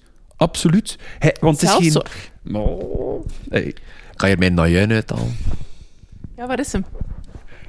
Ik, mijn punt is gewoon, alstublieft, dat er daar geen... geen je moet geen ehm, bewijsdrang aan jezelf geven in aan tools te beginnen of, of, aan, of aan methodes te beginnen of aan boeken te beginnen of eender wat dat je merkt van dat kan mij helpen. Er moet geen bewijsdrang aan jezelf opgelegd worden om te zeggen van nu moet ik dat hier allemaal zo rap mogelijk weten, zo rap mogelijk gelezen hebben, zo rap mogelijk verstaan en dan is het fix. Dat Zo werkt het niet, hè? Dat goed gezegd. Weet je wat ik van de week zei in Navelhem? Weet je nog op het einde? En dat iemand, ik weet niet meer, iemand had een vraag gesteld en dan had ik dat gezegd. Misschien nog een leuk punt om te maken. Ik, eh, ik had dat een keer op mijn eigen... Wacht. Was dat dan, dat meisje? Helena was haar naam, ik weet dat nu toevallig. Zij vroeg van... Waar hebben jullie eigenlijk jullie kennis en wijsheden van? Die vroeg dat als een vraag eh, op het einde in Navelhem. En grappig dat een paar mensen dachten oeh. eh, Wacht, eh, terwijl wij dat totaal niet zo geïnterpreteerd hadden. Had daar een leuk antwoord op. Ik had ergens in mijn hoofd, moest ik denken aan een story dat ik had gemaakt in januari, is dat wij als mensen te veel boeken lezen. En ja, dat is natuurlijk een zeer rare uitspraak. En ik denk dat de waarheid is, is dat er sommige mensen best een keer een boek zouden mogen lezen, maar de mensen die boeken lezen, lezen volgens mij te veel boeken. En dan gaat het vooral rond, rond non-fictie. Ik heb het niet over als jij fantasy leest, als jij roman... Daarom, daar heb ik het niet over. Maar ik heb het vooral over iets wat ik in mezelf ontdek van... Ik ben sinds september een boek aan het lezen en ik zit aan een derde van dat boek. En ik heb eigenlijk dat een derde van dat boek sinds september zes, zeven, acht keer opnieuw gelezen. In plaats van dat ik verder lees, omdat ik het echt wil begrijpen. En ik heb dat met uw boek ook. Ik cherrypick, zeker dat stuk over parentificatie, ik eigenlijk al vier, vijf keer lezen, terwijl ik andere deel nog niet heb gelezen. Omdat ik dan een keer, ah ja, ik kan een keer naar een referentie zoeken, kan een keer daar naar zoeken, omdat ik daar dan echt iets over bijleer. Waarom zeg ik dat? Ik denk persoonlijk, ik vroeg het aan mijn psycholoog ook, hoe denk je dat dat komt? Dat er mensen jaren bij u cliënt zijn en niet veranderen. Hoe denk je dat dat komt dat mensen tien boeken lezen over zelfhulp, maar eigenlijk nog altijd een beetje in dezelfde shitshow zitten? Sorry dat ik het zo zeg. En ze man, dat is een goede vraag. En ik- daar, over dat concept ben ik gigantisch veel aan het nadenken. En ik denk dat dat berust op het idee, of die een quote, die niet toevallig in ons boek staat, is dat we onszelf niet denken een nieuwe manier van doen, maar we doen onszelf een nieuwe manier van denken. Oh, maar dan moet je traag opnieuw zeggen. We, dus oké, we denken onszelf niet in nieuwe manieren van doen, Ja. we doen onszelf in nieuwe manieren van denken. En ik zal Ja, u direct een voorbeeld... het. Ik zal u zeggen waarom dat ik dat ook... Waarom dat ik dat een van de betere quotes vind. Je kunt een hele boek lezen over parentificatie, uw boek over zelfzorg, de onze lezen en hem neerleggen en that's it. En, of het zelf niet eens opgeslagen hebben als kennis, maar zelf al kennen die een boek van buiten, je moet er wel iets mee doen. Ja. En dat is dus zo een beetje het punt van, van, van die uitspraak. Ik denk, als mensen de perceptie hebben van dat Niklas en ik knowledgeable zijn of wijsheid hebben, dan is dat niet per se omdat wij honderd boeken zouden naraden, maar dan is het omdat wij dezelfde boek honderd keer hebben gelezen. En voor mij zijn dat de boeken rond de Stoïcijn. Ik behandel dat eigenlijk de Bijbel. Ik lees dat iedere keer opnieuw. Je staat nooit in dezelfde zee. Je staat nooit in dezelfde rivier. De rivier is altijd anders en ook jij bent altijd anders. En je leert altijd iets nieuws uit dat boek. En wat ik heel vaak doe, ik spreek daar met Niklas gigantisch veel over. Ja, we zijn soms vier uur, vijf uur op een dag op, elkaar, op, op baan met elkaar. Wat denkt jij daarvan? Wat denkt ik daarvan? Eén, omdat we erover spreken met elkaar, onthouden we het ook beter. En begrijpen nu nuances van elkaar. En ik denk heel vaak, als ik, als ik iets, ehm, een stoïcijns principe leer, al is het maar één pagina, ik lees die pagina honderd keer opnieuw en ik denk van, waar heb ik dat gezien in het verleden? Waar heb ik dat gezien in mijn recente dagen? En als ik nog een keer die situatie tegenkom, kan ik een soort van muscle reflex kweken. Een soort van directe reflex om die veerkracht op te bouwen. Of, of om te zeggen, of direct te kunnen relativeren. En ik denk dat dat verschil kan zijn tussen tien boeken lezen over zelfhulp en geen enkel verschil voelen in je leven. Of drie jaar cliënt zijn bij een psycholoog. Ik bedoel dat niet mis. Ten tegendeel eigenlijk. En, en er daadwerkelijk iets mee doen. Dus ik denk ook wel als mensen tegen u zeggen van ja, maar ja, Nina, kijk, ik ben nu een boek echt aan het lezen, ben hem echt goed aan het lezen, maar ik zit nog niet aan een tiende, dat dat even gewoon een compliment kan zijn. Ja, ja, zo, zo eh, begin ik mijn boek ook van. Het is echt op uw tempo. En ik denk dat dat ook het begin is van zelfzorg. Uw eigen tempo leren kennen en het dan ook volgen. Oh, dat vind ik goed gezegd. Ik ook eigenlijk. Ik had dat eigenlijk in een boek moeten zetten. Ja, Ja, eigenlijk. Zelfzorg 2. ja, ja. Hey, maar zo, zo tempo en, en vooral ook een, een eh, traject. Ik vind dat een belangrijk deel, omdat ehm, ik denk dat ik ondertussen al iets meer dan tien jaar bij dezelfde therapeuten ga. En ehm, vorige zomer kreeg ik van iemand de kritiek die dan bij God ook een professional was. Dat was een psycholoog. Eh, die wist dat ik tien jaar naar een therapeut ging. En die dan afkwam van, amai, tien jaar en... Ja, zo hè. Zo, net niet zeggen van, het is nog niet opgelost. Of, of zij, en heeft u nog nooit doorverwezen of zo. Dat. En ik had er eigenlijk niet onmiddellijk een antwoord op, omdat ik dacht van... Ja, maar wacht, ben ik, zijn mij nu aan het aanvallen? Of wat? En ik heb sans gêne ehm, dat meegepakt naar mijn therapeuten en haar dat gezegd. En zei ze ook letterlijk van, ja, ik versta dat dat wel aanvallend overkomt, maar vinden dat u hier tien jaar op hetzelfde punt zitten? En zij was dat zeker ook niet aan het invullen voor mij, maar als ik daar zelf op terugkeek op die tien jaar, dat is tien jaar lang een traject. Dat is, ik weet van mezelf, zonder dat zij dat moest zeggen of moest vragen, eh, als ik om de twee, drie weken bij haar binnenwandel, wandel ik niet binnen met dezelfde vraagtekens, eh, dezelfde stellingen, dan dat ik tien jaar geleden daar binnen wandelde. We zijn naar iets zo. werkbaar aan het gaan. Ja, dat is ook zo het idee van je krijgt dan 10 beurten terugbetaald van de mutualiteit. Of 20. Op gans uw leven, hè? Ze Voor uw psycholoog. Maar ja. Bij sommige mutualiteiten is het zo. 20 beurten op gans uw leven. Wa- Wat doe je daarmee in een leven? Ik krijg zelf niks niet meer terugbetaald. Ik, ik zit al lang over mijn abonnement. Ah, wel, ja, maar... Dat is ook zo het, het, het oplossen. We gaan het oplossen idee. Of we kunnen elke angst eh, weg... ehm, ehm, wacht, laat me even denken. Ehm, weg blootstellen. Hè? Ik, ik, ik, eh, stel je bloot aan uw, aan uw grootste angst en eh, het gaat overgaan. Of, of, of, of je kunt het overwinnen. Of ehm, ja, het is allemaal ehm, te verengen in protocollen. En zelf al heb je het overwonnen, zou het ook willen zijn dat het niet meer kan of mag terugkomen ook. Ja, en dat u ook geen partner meer mag, mag spelen. Oeh, ik vind dat wel allemaal heavy, hè? Allee.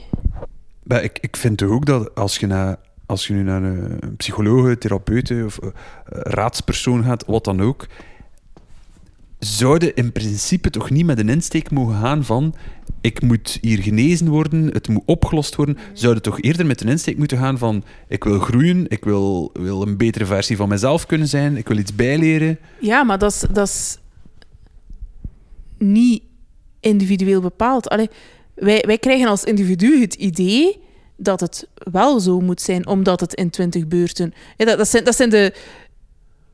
Ja, het is de maatschappij en de mutualiteiten en, en, en al de info die wij krijgen, die ons dat doet geloven. Dat, het waar. wel Dat is ook waar. ja. zo moet zijn. Maar en het ding is ook, ik ga er altijd vanuit, stel je voor dat iedereen, iedereen, en echt iedereen, dat bij wijze van spreken, dat we nu gewoon een keer die hypothese omdraaien dat de maatschappij iedereen verplicht van vier keer in het jaar naar de psycholoog te gaan, zou een fundamenteel andere maatschappij hebben. Hè? En ik denk, Goh, maar ik weet dat niet, want dan moet, je moet ook gemotiveerd zijn. Ik denk dat we nog altijd een fundamenteel andere maatschappij zouden hebben als we dat echt gewoon heel breed zouden kijken. Als een check-up dan echt zo. Als een check-up. Ja, als een... Als een ehm, oh, ik weet dat niet. Ik ga een paar, ga een paar ambetante dingen zijn. Alle serial killers in de history of serial killer history waren sociaal gigantisch geïsoleerd. Verstaan je? Dus, dus, dus dat zijn zo wat dingen waar ik aan aan het denken ben. Want jij zegt nu check-up, dat is het eerste waar ik moet aan denken. Maar zo in bepaalde vormen van, van jongs af aan ook. Hè. Dus die kinderen die dan wel handvaten krijgen, die wel taal krijgen om te spreken over die emoties. Ik denk dat dat...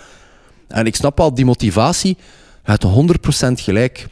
Vandaar dat ik ook denk, als je denkt aan motivatie, ja, dat moet ook ergens van komen. Dat moet dan misschien toch uit die jeugd komen of zo. Ik ga zelf super vaak nog altijd naar de psycholoog. Of ja, super vaak, minder dan dat dat vroeger was. Maar ja. En voor mij is dat ook een stukje reflectie. Wat ik eigenlijk doe. Ik zal zelf meer zijn. Ik zit de laatste tijd, en dat is een theorie, ik heb dat zelf dinsdag gezegd. Nee, een theorie. Iets waar ik meer en meer aan denk. Als je zo denkt aan de typische behoeftepyramide van Maslow. Eh, ik had het nu beter kunnen checken voor vandaag, maar bon. Het is, eh, de onderste zijn zo onze overlevingsbehoeften, eh, ademen en eten, denk ik. Geen idee. Ja, de, ik denk Ja. dat de basis is eh, ademen en eten. En dan onmiddellijk daarboven is een dak boven je hoofd. Dak boven hoofd, ja. En de derde is, dat weet ik... Want dat, Ah, ik dacht dat de onderste wifi is. Volgens mijn zoon is wifi de onderste. Dus geen shelter, maar wel een wifi. wifi, wifi is het belangrijkste En- voor de pubers onder. Bij, bij, bij trapje nummer drie staat er dan ehm, eh, familie, vrienden, eh, safety in het algemeen. Zoals- Netwerk en zo. Ja, netwerk. En de vierde is eigenlijk je algemeen gevoel van mentaal welbevinden. Misschien een beetje controversieel dat ik het zo zeg. Ik denk dat een psycholoog op alle, allee, op, vooral op trap nummer vier zal werken. Afhankelijk van of dat je bijvoorbeeld een zwaar trauma hebt, gaat dat wel ergens aan- anders op die trap zitten. Maar we vergeten eigenlijk allemaal een beetje de vijfde trap van Maslow, en dat is zelfactualisatie. En ik heb daar recent gigantisch veel research naar gedaan, naar die zelfactualisatie, want ik vind dat eigenlijk wel frappant. En ik heb daar met mijn psycholoog over gesproken en ze zat iets van, ah, dat redt mij wel. Eh, in de zin van, bij zelfactualisatie bij Maslow staat er ethiek, eh, waarden en normen, eh, uw rol binnen de maatschappij en waar dat je jezelf ziet binnen de bigger picture. Maar puur vanuit een theoretisch perspectief, dus ik zeg niet in de praktijk, puur vanuit een theoretisch perspectief heeft de psychologie daar geen antwoord op. Omdat psychologie zegt niks over moraliteit, ethiek, waarden en normen. Mora- psychologie, tenzij dat nu richting systeempsychologie gaat, die bekijkt de individuen in, in het groter geheel. Maar ook, ook, ook daar probeer ik met mijn psycholoog over te, over te spreken. En zij zegt meer en meer laat zij van, ik weet het eigenlijk niet. En ik ga, daarom dat ik zo hard in de filosofie aan het kijken ben, want filosofie heeft daar wel een antwoord op. Op zo van, wat is ethiek, waar zijn uw waarden en normen?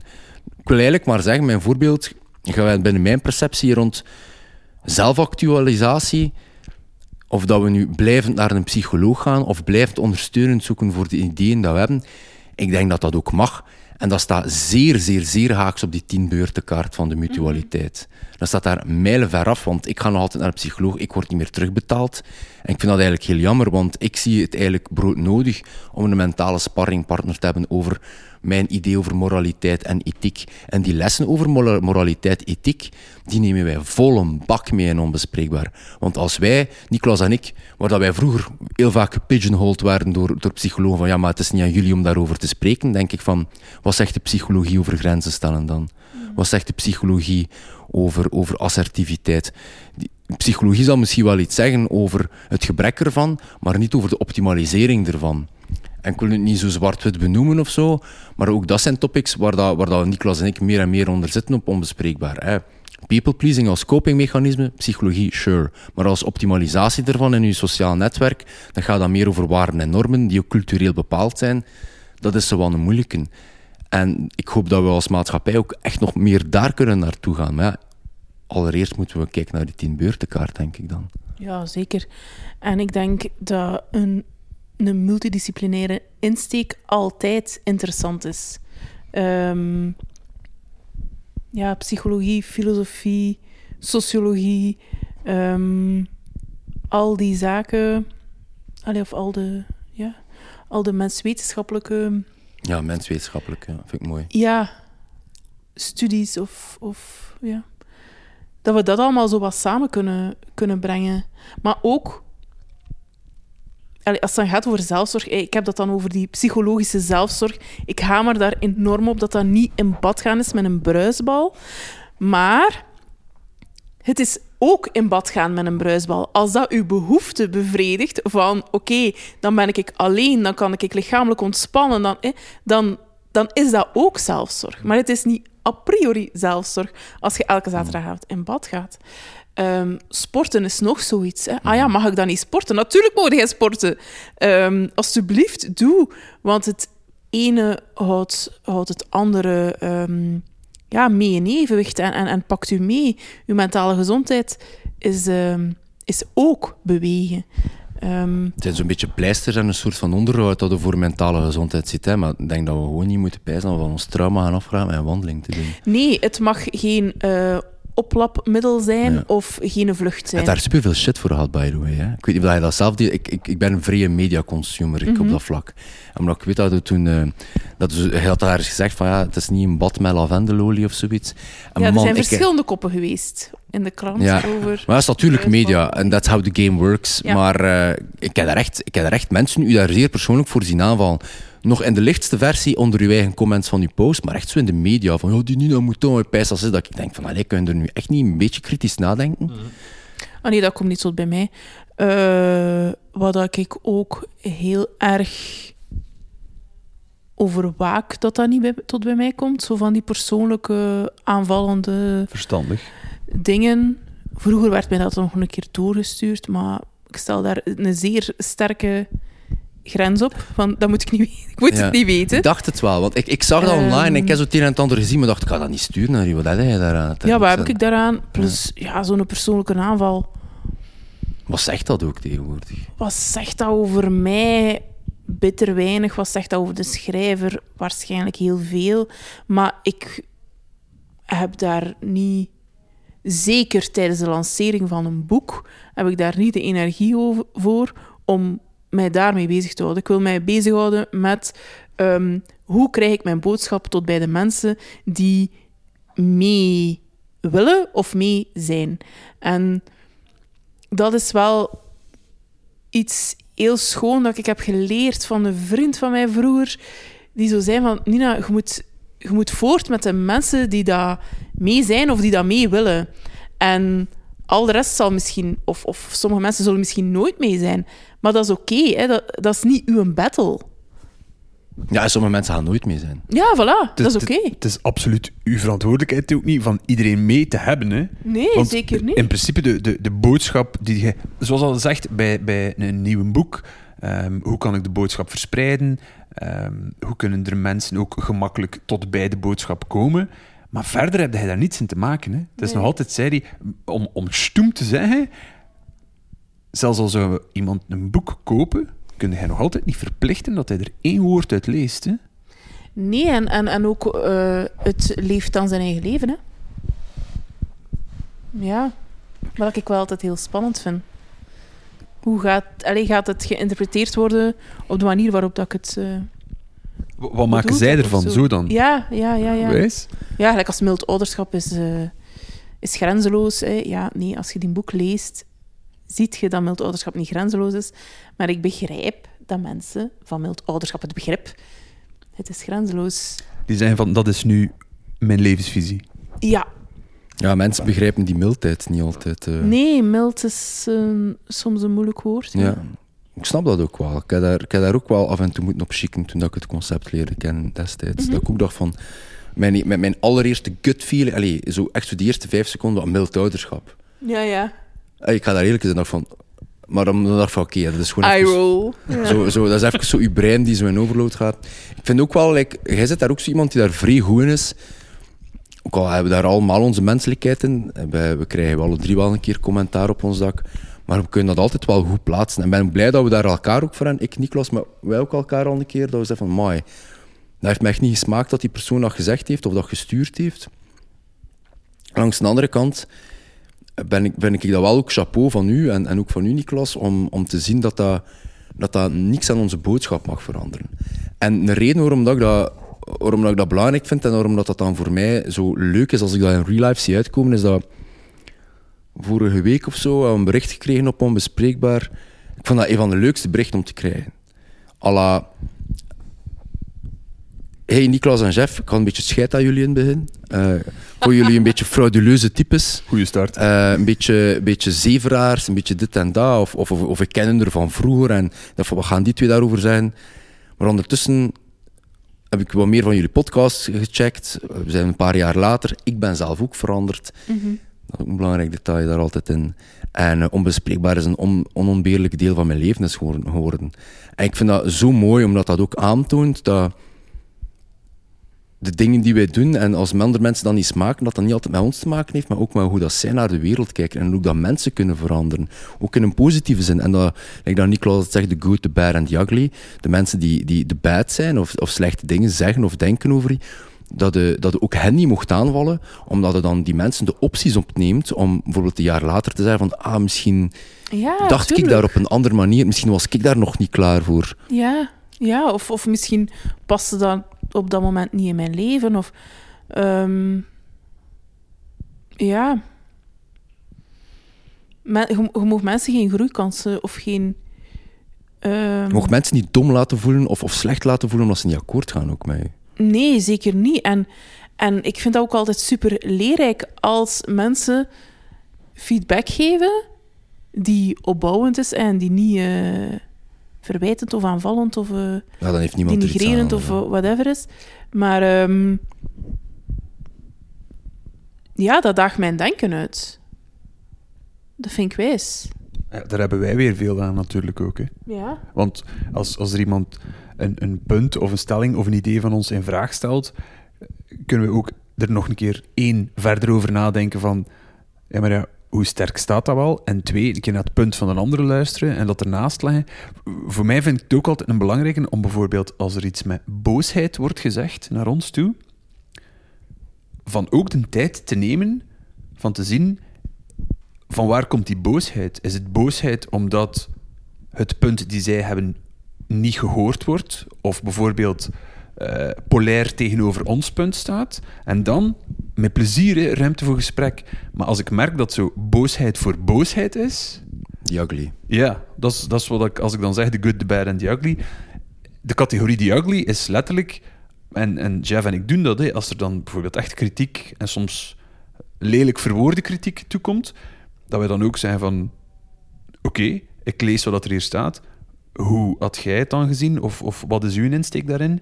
En dan zij letterlijk dan reageren van, ja nee, maar stop gewoon met uwen, dat is voor mij boosheid voor boosheid. Als, als ik kritiek van u krijg, en ik wil wat tijd uit mijn dag nemen om te zeggen van oké, ik heb het gehoord, hoe kunnen we samen naar bijvoorbeeld iets anders kijken? En hij gaat daar niet verder in, hij wil gewoon dat het mijne stopt. Alles wat wij de wereld insmijten, of dat dan nu eh, via een lezing is, een interview of een boek, niemand moet daar naar luisteren, hè? juist. Maar het is ook nog iets anders dat anderen dan moeten zeggen, ah, maar dat mogen jij niet meer zeggen tegen niemand. Want dat vind, ik, dat vind ik super jammer. Want anders zou nog chef, nog jij, nog ik ook niets van kennis bijgekregen hebben van anderen. Hè? Nee, nee, nee. Ja, en voor mij is een van de... Allee, voor mij is het... ehm, zelfzorg gaat voor mij in stappen. In, ik ga toch nog iets moeten zeggen. Lagen van de najuin. En... en ik denk dat je heel bedreven bent in zelfzorg als je het verschil kunt maken tussen Wat is van mij? Wat is van u? En wat is van de relatie? En dat je kunt bij de mensen leggen wat dat van hen is, daar kunt je niets aan veranderen. Dat is, dat is uw energie, dat is verloren Dat is uit energie. uw handen, ja. Ja, wat is van de relatie? Wat, wat zit er hier tussen ons dat maakt dat dat moeilijk is? En wat is van mij? En waar kan ik mijn eigen verantwoordelijkheid in pakken? En sommige mensen pakken alles bij zich, want het is allemaal van mij. En het zegt niets over de ander of, of de relatie. Of sommige mensen leggen het allemaal bij de ander en het zegt niets over mij of over onze relatie. En dat is geen eer aan doen aan, ja, aan de anderen, aan uzelf, aan de relatie. Dus ehm, Het is ook niet constructief eigenlijk. Hè? nee, dat is niet constructief. Nicolas heeft ooit een keer iets gezegd in ons eerste seizoen, waar ik nog nooit over nagedacht heb. Een les is die ik van hem heb meegepakt voor de rest van mijn leven. Is dat, het was bij liefdesverdriet. Dat hij zo zei van, het is soms niet altijd, als een relatie eindigt, is het niet altijd de schuld van de een of de ander. Soms is er zelf geen schuld. Soms is het gewoon op. Soms is het gewoon eindigd. En dat stuk had mij geïnspireerd voor dat columnstukje bij Liefdesverdriet, het boek rond, ehm, wat had ik nu weer, het was iets van Hollywood is voor relaties wat porno is voor seks, zoiets was het. Ja. Waar dat ik dacht van ja, het is, soms is een relatie niet, niet gefaald, soms is een relatie gewoon voltooid en moeten beide partijen er een beetje vrede mee nemen van kijk, dit was gewoon een mismatch op het einde of, of we zijn uit elkaar gegroeid. Maar we hebben er alle twee hopelijk wel wat uit geleerd. En je kunt op een, op, een, op een goede manier afsluiten met elkaar. Ook al is dat einde natuurlijk super pijnlijk. De lessen die we meepakken voor de rest van ons leven zijn voor altijd. En zelf slechte Maar relaties. daar moet je dan ook weer actief mee omgaan, hè, met die lessen die dat je geleerd hebt vanuit die relatie. Want voor hetzelfde geld doe je weer gewoon hetzelfde, hè. Oh, geef ik je een voorbeeld. En ja, ja, ik ken mensen in mijn omgeving die de relatie hebben beëindigd om dan Hetzelfde bij... Ja, hetzelfde, leuk, ja. hetzelfde te doen bij iemand anders, maar nog erger. Eh, oei, het versterken. patroon versterkend zelfs. ja, dat dat patroon nog, nog, nog, nog, nog, nog groter werd. Maar ik, eh, ik ben ik had altijd zo wel... ehm, nog een keer shout-out Rico Ponet. We- Wij, ik heb dat, dat vermijdend gehechte type zo, dat ik altijd wel vrij mijn eigen herkend. En het is, is dat ik wel vroeger ja, meer naar partner naar partner ben gegaan, maar die hechtingsstijl heb meegepakt. En dat had eigenlijk niks met mij die een partner te maken, maar omdat ik mij daar niet van bewust was van die hechtingsstijl en die parentificatie daar ook vreemd mee te maken had, by the way, ja, legde ik die schuld, het is niet populair dat ik het zeg, maar die schuld te veel bij de partner. En ik kwam dat probleem keer op keer op keer opnieuw tegen. Maar dat probleem lag in mezelf en niet bij die partner. En dat is een beetje like die quote van... ehm, als je niet geneest wat dat je, eh, wat dat je pijn doet of wat dat je snijdt, dan gaat je je snijden aan mensen die je niet gesneden hebben. Het is in het Engels klinkt het beter. Het is een beetje Pinteresty, maar zo... If you don't heal what, what wounds you, you will bleed on people who didn't cut you. Zo klinkt het beter. Ja, ja, ja. Moest even Ja. nadenken. Ja, snap ik. Niet zo lachen.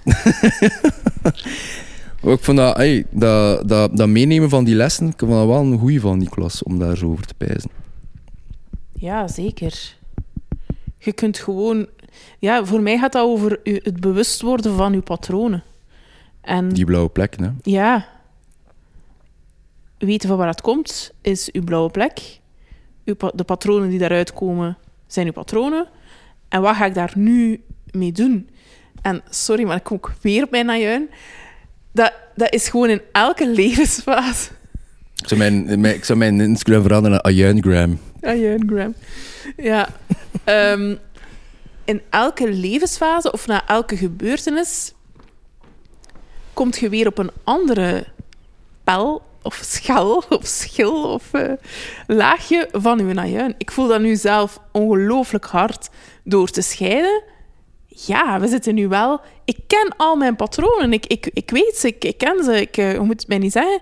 Maar door nu ehm, single te zijn, voor het eerst in mijn volwassen leven, kom ik wel allemaal dingen tegen op een niveau dat ik nog nooit ben tegengekomen. Dus het is, het is ook gewoon nooit af. En, en het is zo interessant om daar dan weer al in te kunnen evolueren. Dat is echt interessant en dat vind ik wel goed. Dat is echt, want je zou het zien als een dreigement, maar het is eigenlijk juist interessant en het is ook dankbaar. Het is misschien ook goed dat hij nooit af gaat zijn. Ja, nee. Hey, dus dan kunnen we weer naar die perfectie streven. Maar een, een, een belangrijk stukje daarin vind ik, omdat het nu zo aanhaalt van dat de eerste keer in je volwassen leven single bent. ehm, als ik dan binnen relaties denk ook aan altijd, ehm, lijkt mij dan een belangrijke dat mensen soms eh, een keer niets doen voor te denken aan ik ga het anders doen. Misschien heel Sesamstraat dat ik het zo zeg, maar ik zie of dat dan nu relationeel is of bijvoorbeeld binnen een job. Hè? Eh, het idee van, amai, dat is niet goed gelopen, maar de volgende keer ga ik het anders doen. Er is ook de optie van het heel eventjes niet te doen. Reculer pour mieux. Voilà. Ja, en ik denk dat dat heel erg nodig is ook. Absoluut. Ja. Dat vind ik leuk, hè? Frans spreekwoord. Ben ik blij, ben ik blij. Nee, eh, ik zie het aan hem.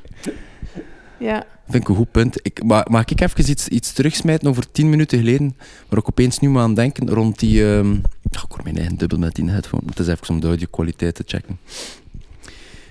Bij onze laatste podcast, omdat wij ook zo spreken over dat een keer een pijnlijke waarheid doen, bij onze laatste podcast over slachtofferschap, ja, dat heeft natuurlijk wel wat losgeweekt. Maar dat viel eigenlijk wel mee. We hebben ook wel weer de good, the bad en ugly gehad. En we hebben mensen zeggen, ah, het is tof om dat een keer te horen. En het is tof om...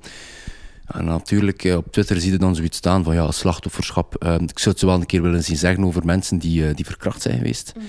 En dat is altijd typisch, is dat, dat ik een trend zie, dat ik een patroon, dat ik vaak zie terugkeren bij Onbespreekbaar, is dat ehm, mensen ja, een assenpoester-move doen, is dat wij zeggen niets en, en zij trekken het schoentje aan. We hebben daar niks over gezegd. We hebben zelf geen enkel voorbeeld gegeven over slachtofferschap. Ik denk dat dat ook vaak iets zegt. Dat is ook niet wat wij daarmee wouden bedoelen. Maar de bad vond ik dan wel super cool. En dat vond, vond ik het leukste bericht dat we, dat we gekregen hadden rond de episode rond slachtofferschap. Iemand die zei van, jullie episode rond slachtofferschap beluisterd en die heeft mij gigantisch getriggerd op een negatieve manier. Eh, en ik ga het niet akkoord. En we gaan eh, in gesprek gegaan en, en die persoon had zo, ah oké, ah ja, op die manier. En die draaide zo wat bij op een zekere zin en die had van, ah oké, dan vind ik eigenlijk wel een heel goede podcast. En ik denk dat heel veel in de mental health space, dat is een directe grote sprong dat ik wel maak, dat, dat de mental health space soms te lief is voor mensen en dat, dat we terug weer wat goed mogen zijn voor mensen. Denk maar aan mensen die een bepaalde verslaving hebben, te zeggen van, ja, ik heb echt die craving van die verslaving nodig. Lief zou zijn ze van, doe maar. Goed zou zijn van, zouden dat wel doen. En dat is een beetje tough love. En Niklas en ik, we zijn echt soldaten in tough love naar elkaar toe. Misschien al een keer te tough, alhoewel. Ik denk, dat heeft altijd wel zijn vruchten afgeworpen. En ik denk dat mij onbespreekbaar is. Dat is iets waar we intuïtief, Niklas en ik, voelen dat we naartoe aan het gaan zijn. is terug soms weer wat goed zijn in plaats van lief zijn.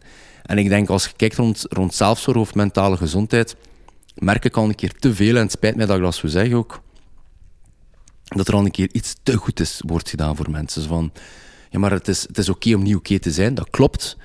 Maar ik hoop dat we er allemaal soms wel een keer iets aan kunnen doen ook, want, want het is misschien wel uw recht om met je trauma's of met je bagage de rest van je leven ehm, niet oké te zijn. Maar het plafonneert ook. Hè. Het, het geeft u niet altijd het, leven waar je recht op zou kunnen hebben, of het leven die je zouden kunnen omzwaaien. En dat doet mij daar ook zo wel een beetje aan denken, is dat echte zelfzorg. Je beschrijft dat zelf heel goed. Ik heb je webinar gezien, ik heb je lezing. Allee, ik heb veel van uw content gezien ondertussen. Is dat is echt, want het is net bewustzijn van waar je blauwe plekken zijn. Waar zitten mijn kwetsuren? En daarmee aan de slag gaan. En ik denk dat die een balans vinden in de mental health space dat we zitten, dat is een heel moeilijke. Want inderdaad, ik denk dat wat dan Niklas en ik zeggen, we zijn daar absoluut van overtuigd dat dat juist is. Is dat je, is dat je eigenlijk echt aan de slag kunt gaan met je slachtofferschap. Maar dat is zo case per case, dat dat voor veel mensen begrijpelijk ook in het verkeerde keelgat schiet.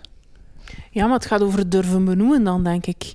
En dat is wat jullie met die podcast dan wel hebben gedaan. Ik heb hem nog niet gehoord. Over slachtofferschap van dit bestaat ook en we gaan het daar even over hebben. En ik denk dat er soms wel wat te veel wordt eh, omheen gezworven of zo. En ik denk dat, dat allee, als psycholoog, dat dan, als, ik, als ik dan boeken schrijf, dat dan mijn taak is van het in een begrijpbare taal, de theorie te brengen ehm, voor iedereen.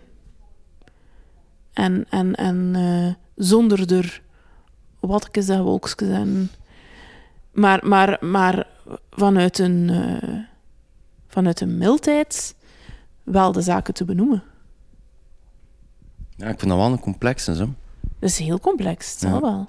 Maar ik vind, ik, want ik voel dat dan ook wel. Als, als mensen zo een keer op Twitter of wat dan ook, like, zeker nu met die slachtofferschap, zeggen van ja, maar ja, en, of in die situatie, dan werkt dat toch niet. Dat klopt, maar het mag ons eigenlijk niet weerhouden van daar toch een keer over te spreken. Zeker met ons twee.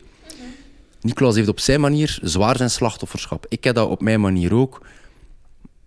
Maar wij zijn alle twee binnen ons eigen recht wel een voorbeeld van hoe dat we er iets hebben proberen mee doen en nog altijd mee aan het proberen mee doen zijn, namelijk onbespreekbaar. Als mensen ons vragen, ja, waar haalde die kennis van? Ja, van al heel veel in ons leven op ons muil gehad en, en echt heel zwaar en al heel veel. En ik denk dat Ja, niemand maar het ons... onbespreekbaar is al de bigger picture. Je hebt, je hebt daarvoor eerst al heel veel in jezelf, je persoonlijk proces, moeten doorlopen. En dan...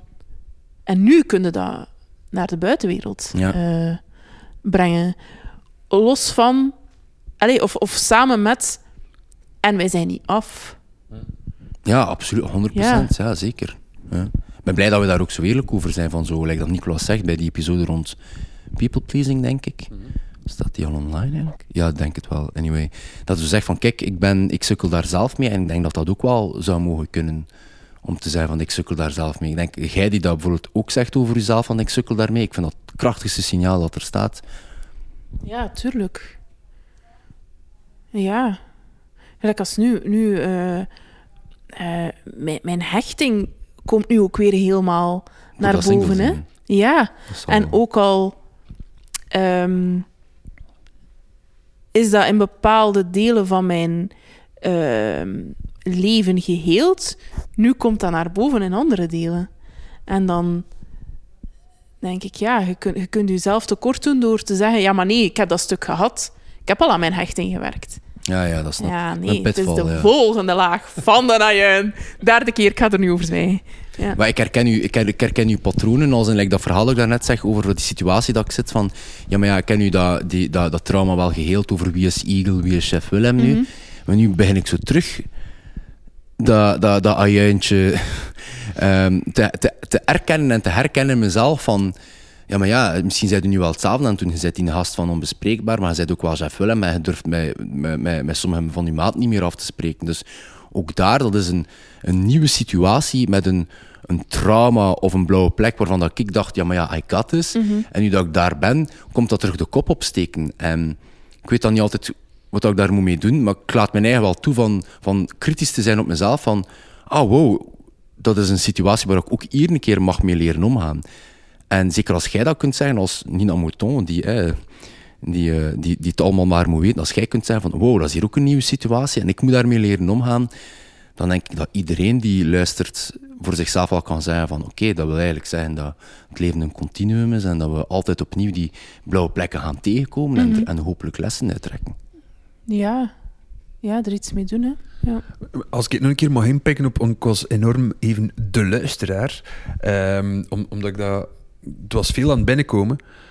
Ehm, zo het verschil tussen lief zijn en goed zijn, Ja, en de interactie die wij eigenlijk met ons drie ehm, met elkaar dan hebben, dus zowel hij met mij, hij met hem, hij met ik, ehm, is dat niet lief zijn, allez, niet altijd moeten lief zijn, maar eerder ook goed zijn, super belangrijk. Want als ik bijvoorbeeld voor mij persoonlijk spreek, hadden de mensen die mij doorheen alles geholpen hebben, enkel lief geweest, zou ik hier nu niet zijn. Dat zou niet gelukt zijn. En als ik merk dat hoe ik bijvoorbeeld met u over dingen babbel, met u over dingen babbel, ben ik, ik wel regelmatig een keer de devil's advocate om het niet populaire ding te vragen, of soms een keer de andere kant van het verhaal een keer te stellen, gewoon om daar een keer op tafel te smijten en een keer te luisteren van ja, maar hoe zien we dat dan? Waarin dat eh, met goed kunnen werken, eh, met lief zijn gesust, dat vind ik een nice one. denk ik dan toch, hè? dat gesust zijn, dat snap ik. Jij en ik zijn, zijn, ik denk dat mensen daar soms nog zouden van verschieten, hoe taf dat wij kunnen zijn naar elkaar. Dat ik zeg van, ah, van allee, en niet, niet taf om taf te zijn, maar net taf om goed te zijn. Omdat, kijk,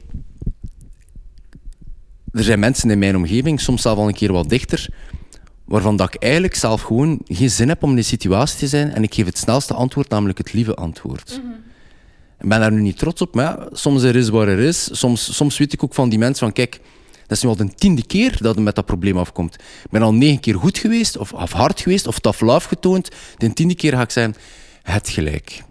Het gelijk, ogere jij, ogere dit of dat. Maar dat is een heel gevaarlijk, en zeker voor die persoon, want als iedereen in die omgeving dat doet, heb je zoiets van, oh, wauw, en wordt eigenlijk een beetje daarin bevestigd. Ik denk dat de grootste valkuil dat Niklas en ik in onze vriendschap zouden kunnen hebben, is dat wij vrij lief voor elkaar zijn. Niklas Ik kan soms dat iets zijn. Ik zeg van, amai, Niklas, ik denk dat we dat wel echt verkloot hebt. Ja. Dan gaat hij misschien al een keer ambetant zijn, of ik kan ambetant zijn, maar dat zijn we al een keer ambetant. Zolang dat maar dat ambetant maar een functie staat van een higher purpose, van te groeien of zo. Er is iets mee te doen dan. Er is iets mee te doen, ja. Ja, en dan betant is op de boodschap en niet op de, De boodschapper. persoon. Nice. Ik ga ook in het wc moeten gaan, by the way. Ik Erg, ook. hè? Hij ook? Ja, Je kunt moeilijk tegelijkertijd ja gaan, hè? we, we gaan we niet Nicolas Gaan we shiften gaan? kunnen... eh. Die hem daar zitten. Ja, ik heb... Daar gaat u een dead, dead joke moeten bovenaan. ik heb zo... Nou, ik ben nog aan- ze zijn echt ben- slecht. Ze ik zijn ben nog aan- allemaal... Maar natuurlijk, dat is de definitie van een voor joke. alles. Nee, ik ben, eh, we zijn nog aan het vasten. Ik heb twee liter water gedronken en het is er echt... Allee, go. Ja, en dan oké. ga ik. Ik heb trouwens geen flauw idee hoe lang dat we al bezig zijn. Ik ook niet, wacht. Ik weet het wel. Het is tien voor twee. Wauw, dat voelde het niet. Dat Nee, voelde het niet. Oh, jeetje. Zalig wel, hè? Ja, de Heerly de Peerly. Ja, Ja. ik, What? moet om, Heerly de Peerly. ik moet om twintig voor drie vertrekken. En hoe laat is het nu? Tien voor twee. Maar wat is wel nog... Oh nee, wij geen uur. Dat is nee. nog... eh, 50 minuten. Oh, nog even... Ja, ja, ja. ja. Oké, Ja. ik ga naar het wc. Sorry, hè. Allee, dat is Ja. niet nodig om dat te vermelden op de podcast, maar ik ben het toch aan het doen. Ja, het is dat, ja. Ooit, ooit gaat er een keer een situatie zijn dat we ergens een talk aan het doen zijn met microfoons en dat heb jij ooit The Naked Gun gezien? Nee. Dat is een super grappige, toch slechte, eh, komische film uit de jaren 90, pijs ik. I don't know. Ehm, en er is eh, een van de personages heeft zo'n microfoontje hier zitten en is een belangrijke speech aan het geven. Ja, ja, is een belangrijke speech aan het geven. eh met zogezegd de Queen of England bij en alles en dit en dat. En dan gaat het door naar de volgende en jij gaat zo weg van het podium en hij gaat gaan pissen. Maar ja, natuurlijk via die boxen hoor je hem echt zo. En, en echt, hij is daar aan het pissen als een paard, hè. Maar echt. Dus ik... eh, Maar, is eh, echt... Oh, jammer.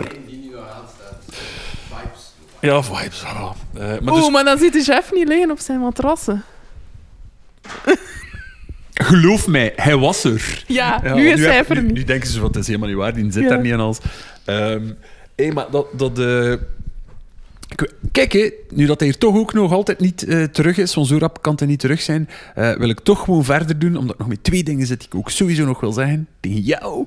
Eh Eén is het, het feit dat wij hier zo vlot hebben zitten babbelen met elkaar en dat we hier ondertussen ook al twee uur hebben zitten babbelen met elkaar, vind ik op zich, los van het feit dat altijd wel aangename babbels hebben die we hebben met elkaar, een schoon voorbeeld is dat wij het zeer duidelijk nog altijd allemaal niet weten.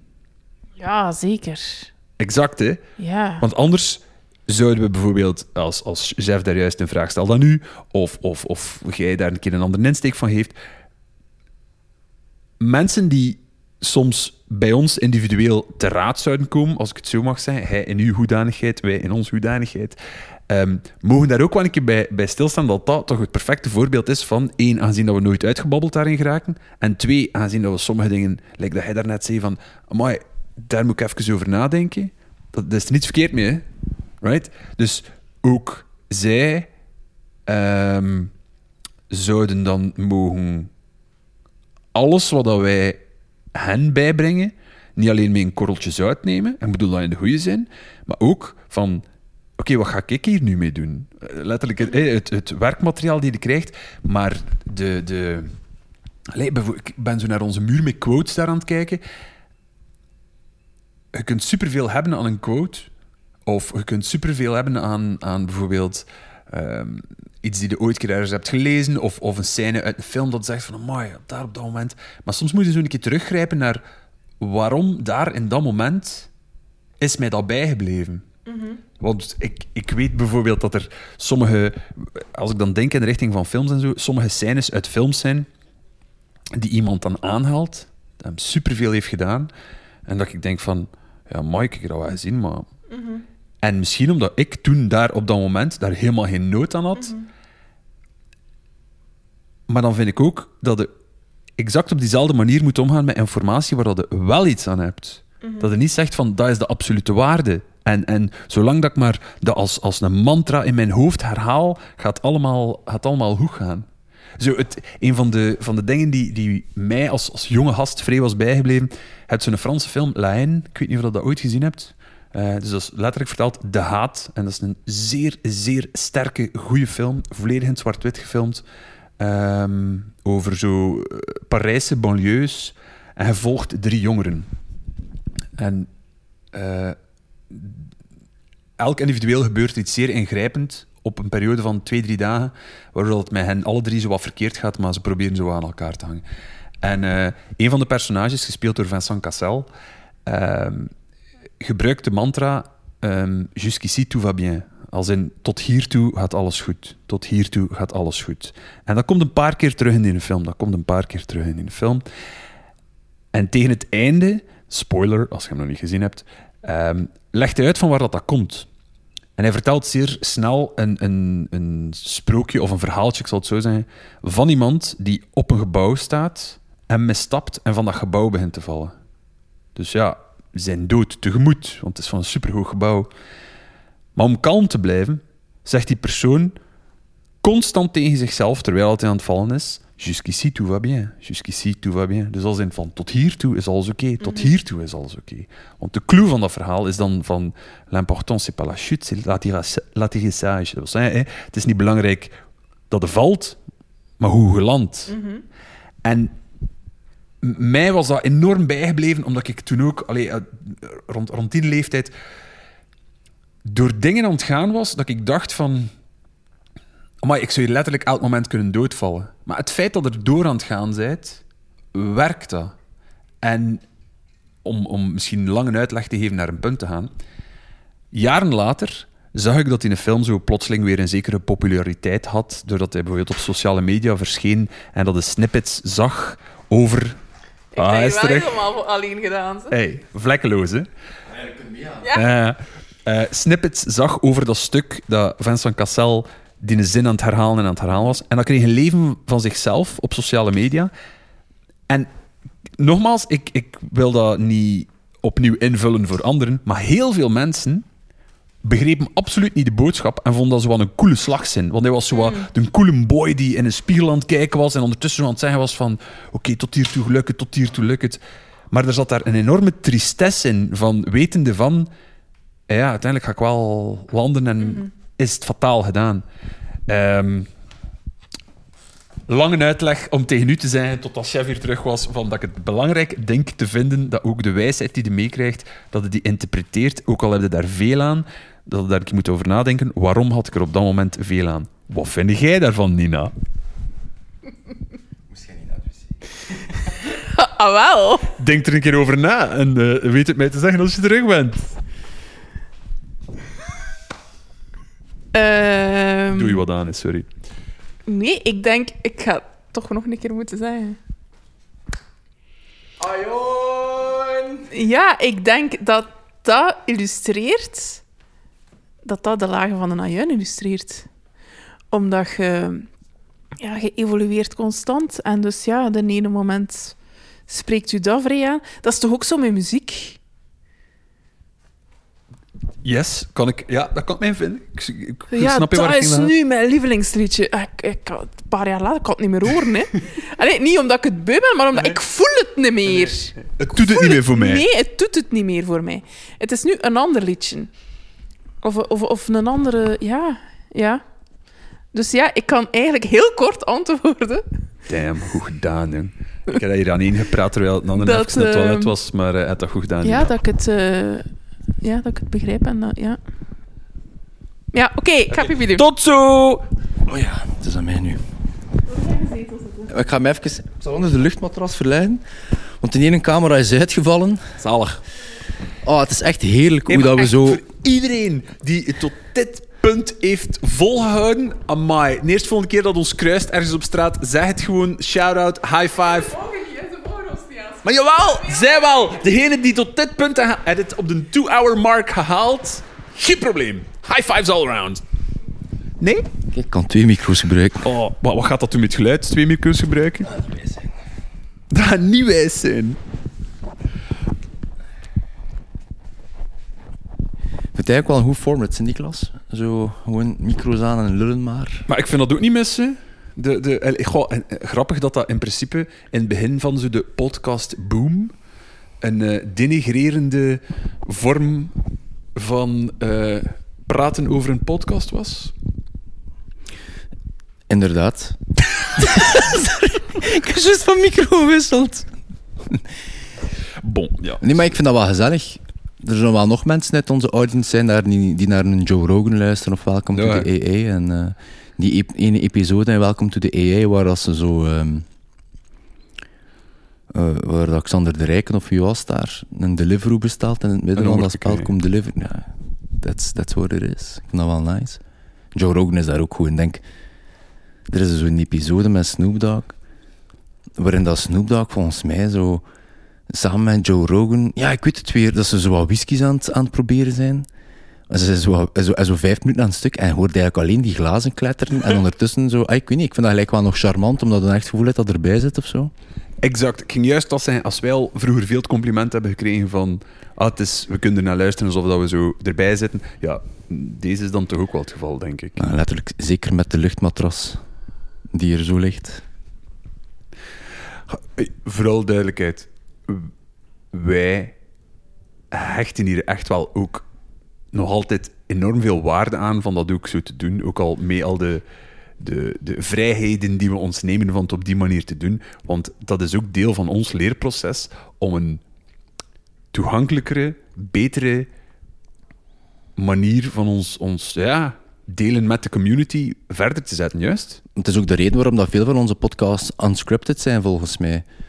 En ook onze live talks, dat klinkt altijd gelijk slechte reclame, maar eigenlijk na een tijd, ja, we werken een beetje met muscle memory, met dingen die, die we, die we, kennis die we hebben uit het verleden. En ik, ik denk dat meer mensen dat eigenlijk wel een keer zouden mogen doen, om gewoon zo op de vif, zo, zeker als je veel over iets weet, onderschat niet hoeveel kennis dat je hebt over iets. Hè. En dat vooral kunt, kunt delen met anderen. Voilà, voilà, voilà. voilà. Dat er mij zo aan denken, ik was een video zie van Mark Manson rond het, eh, eh, met zo'n vrij speciale titel, is waarom, eh, waarom domme mensen altijd denken dat ze slim zijn. En hij, hij, hij had dat uitgelegd aan de hand van een Dunning-Kruger effect en ik vond dat een keer zo interessant. Ik moet daaraan denken omdat je, omdat je altijd onderschat hoeveel kennis dat je hebt over iets als je daar knowledgeable in bent. En hij geeft daar drie luiken in. Allee, Mark Manson legt dat gewoon goed uit, maar dat is gewoon het Dunning-Kruger-principe. Als je net iets leert en je zit daar weg mee, of je zit er snel weg mee, dan heb je snel het gevoel van, amai, ik weet hier veel over. Ik ken dat hier. Ja, ehm, pak nu het gevo- een voorbeeld van basketballen bijvoorbeeld. Dat is echt van, amai, ik heb mijn allereerste keer het basketbal leren ontdekken. Ik kan al dribbelen, ik heb al een keer een goal gemaakt. Ik ben eigenlijk supergoed in basketballen. En, een keer dat je, en je denkt dat je daar eigenlijk dat je zeer intellectueel bent in basketbal of goed bent en je, over, je overschat je skills consistent eigenlijk. Hè? En dat is een typisch Dunning-Kruger effect. Je overschat hoe goed je bent in iets, hoe intellectueel dat je bent in iets. En dan gaan ze naar dat tweede luik. En een keer dat je in dat tweede luik zit, dan beseft je eigenlijk niet welke kennis die je al hebt verzameld. En, dat, en dan beseft je wel opeens hoe groot het skelet van alle kennis is. Dus bijvoorbeeld met basketten, dan zie je van... Ik ga opnieuw. Ah ja, Nina is daar, ja. Maar ik ga toch, door, ik ga toch doorbabbelen. Enfin, moet ik wachten. Ik hoor je lach tot hier. Is dat drie meter verder de micro? Ik hoor je lach tot hier. Zet u maar terug hier eh, op, de, op de zetel. Ik zal ik mijn eh, op de luchtmatras leggen. Ik dacht van, Doe maar. ah, dat is ook Hij is nog zijn punt aan het verder vertalen. Ja, ik was iets aan het Bring it. vertellen eigenlijk.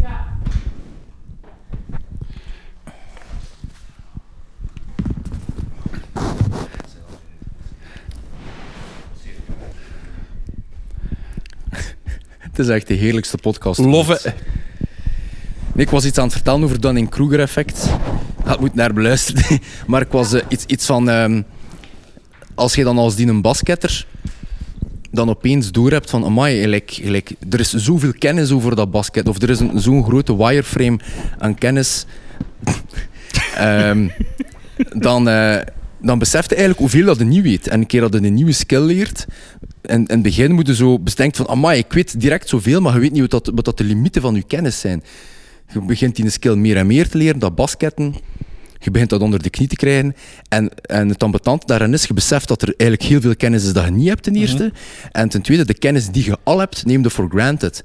Dat dribbelen, dat scoren in die goal vanaf een bepaalde lijn, je neemt dat for granted. En je denkt op een bepaald moment van, holy shit, ik weet eigenlijk van niks. En ik heb dat vrij met filosofie gehad. Bij mij begin verdiept in filosofie en aan een tijd dat ik iets van, mooi, dat gaat hier wel goed.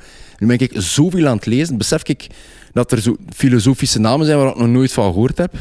En alle kennis die ik al heb, neem ik een beetje for granted. En dan heb je dat derde luik. En dat zijn de mensen die, die bij wijze van spreken echt master zijn in, in een bepaald veld. Nu, niet dat dat bestaat. Zij gaan er dan weer vanuit dat iedereen op zijn minst die basiskennis heeft. En dat is waarom dat, omdat je zo'n punt had, ik weet niet hoe dat er toe gekomen zijn, waarom dat bijvoorbeeld eh, mensen zichzelf altijd overschatten in iets. En ik- we hebben dat allemaal. En ik herken die patronen ook vaak in mezelf. Ik leer iets nieuws bij. Bij het borduren, by the way, ik dat ook vrij gehad. Dus de allereerste keer de stuks maken van, "Amai, dat borduren, ben er, hier, eh, ben er hier mee weg. We zijn nu een jaar en een half later met Moesje en ik besef eigenlijk... Nu, nu zie ik ook wat voor machines dat er zijn, welke, ken, welke master embroiderers dat er zijn. En dan heb ik zoiets van, holy shit, ik kan er eigenlijk niks van. Terwijl dat eigenlijk best goed aan het lukken is. Maar ik zie gewoon hoeveel totaalkennis dat er is. En ik krijg daar soms wel wat... Ja, anxiety is misschien een groot woord, maar... Dat is zo de absolute waarheid van eender welke kennis die je leert. Van, eh, maakt mij niet uit wat, wat het soort is dat je bijleert. Hè. Dat je beseft van hoe meer dat ervan leert, hoe meer dat beseft dat je nog niets weet. Ja, inderdaad. Maar een van de grootste geruststellingen die ik ooit heb mogen horen, was van een coach van mij. En die heeft in de tijd nog gezegd tegen mij, terwijl dat hij ons heel veel dingen aan het bijbrengen was, die zei van, jongens, maak er allemaal niet te druk in, want ik ben al meer vergeten dan dat jullie ooit gaan leren. Ja, dat is wel nice. En ik vond dat geweldig. Ja, het gaat misschien ook soms niet om eh, zo die bewuste kennis. Maar over... ehm, soms is kennis gewoon geen bewuste kennis in uw hoofd meer, maar, maar doet het gewoon. Als in het begrijpen van? Ja, je Of- begrijpt het zodanig dat het gewoon doet. Of je hebt al zodanig veel geoefend. Ja, dat het, eh, dat het eh, gewoon iets van jezelf is, zonder dat het, ah, dit is kennis. Ik heb daar een leuk voorbeeld van anders. Spannend. Ik ben in de corona ben ik zo vrij beginnen lopen. Wat moest ik doen? Ik had geen geld, eh, maar wel tijd. Maar, en, eh, Een podcast beginnen. ja. ja, inderdaad. Maar heb jij nog weten lopen hè, in de corona? Ja, en ik... eh, ja, Ah, toen- zijn we gestopt met lopen? Wel, en ik... eh, Ah, oké, dat is het punt. wel, Sorry. Nina... Je kunt daar dus nergens mee komen. Hè. Ja, echt. En eh, ja, waarschijnlijk super op aan die camera is dat ik net het beeld ga lenen. Dus gaat hier... Steek een keer uw micro omhoog. Hij is daar nog. Mijn kine, dus allee, lopen bijvoorbeeld. We hebben allemaal leren lopen, stappen als kind. En dat is een zo vanzelfsprekende ja, skill, wil ik het bijna zelf noemen, terwijl dat, dat eigenlijk wel is. Ben beginnen lopen. Ik draaide te veel met mijn torso bij elke stap, waardoor ik een blessure kreeg op mijn, eh, op een pees op mijn bovenbeen.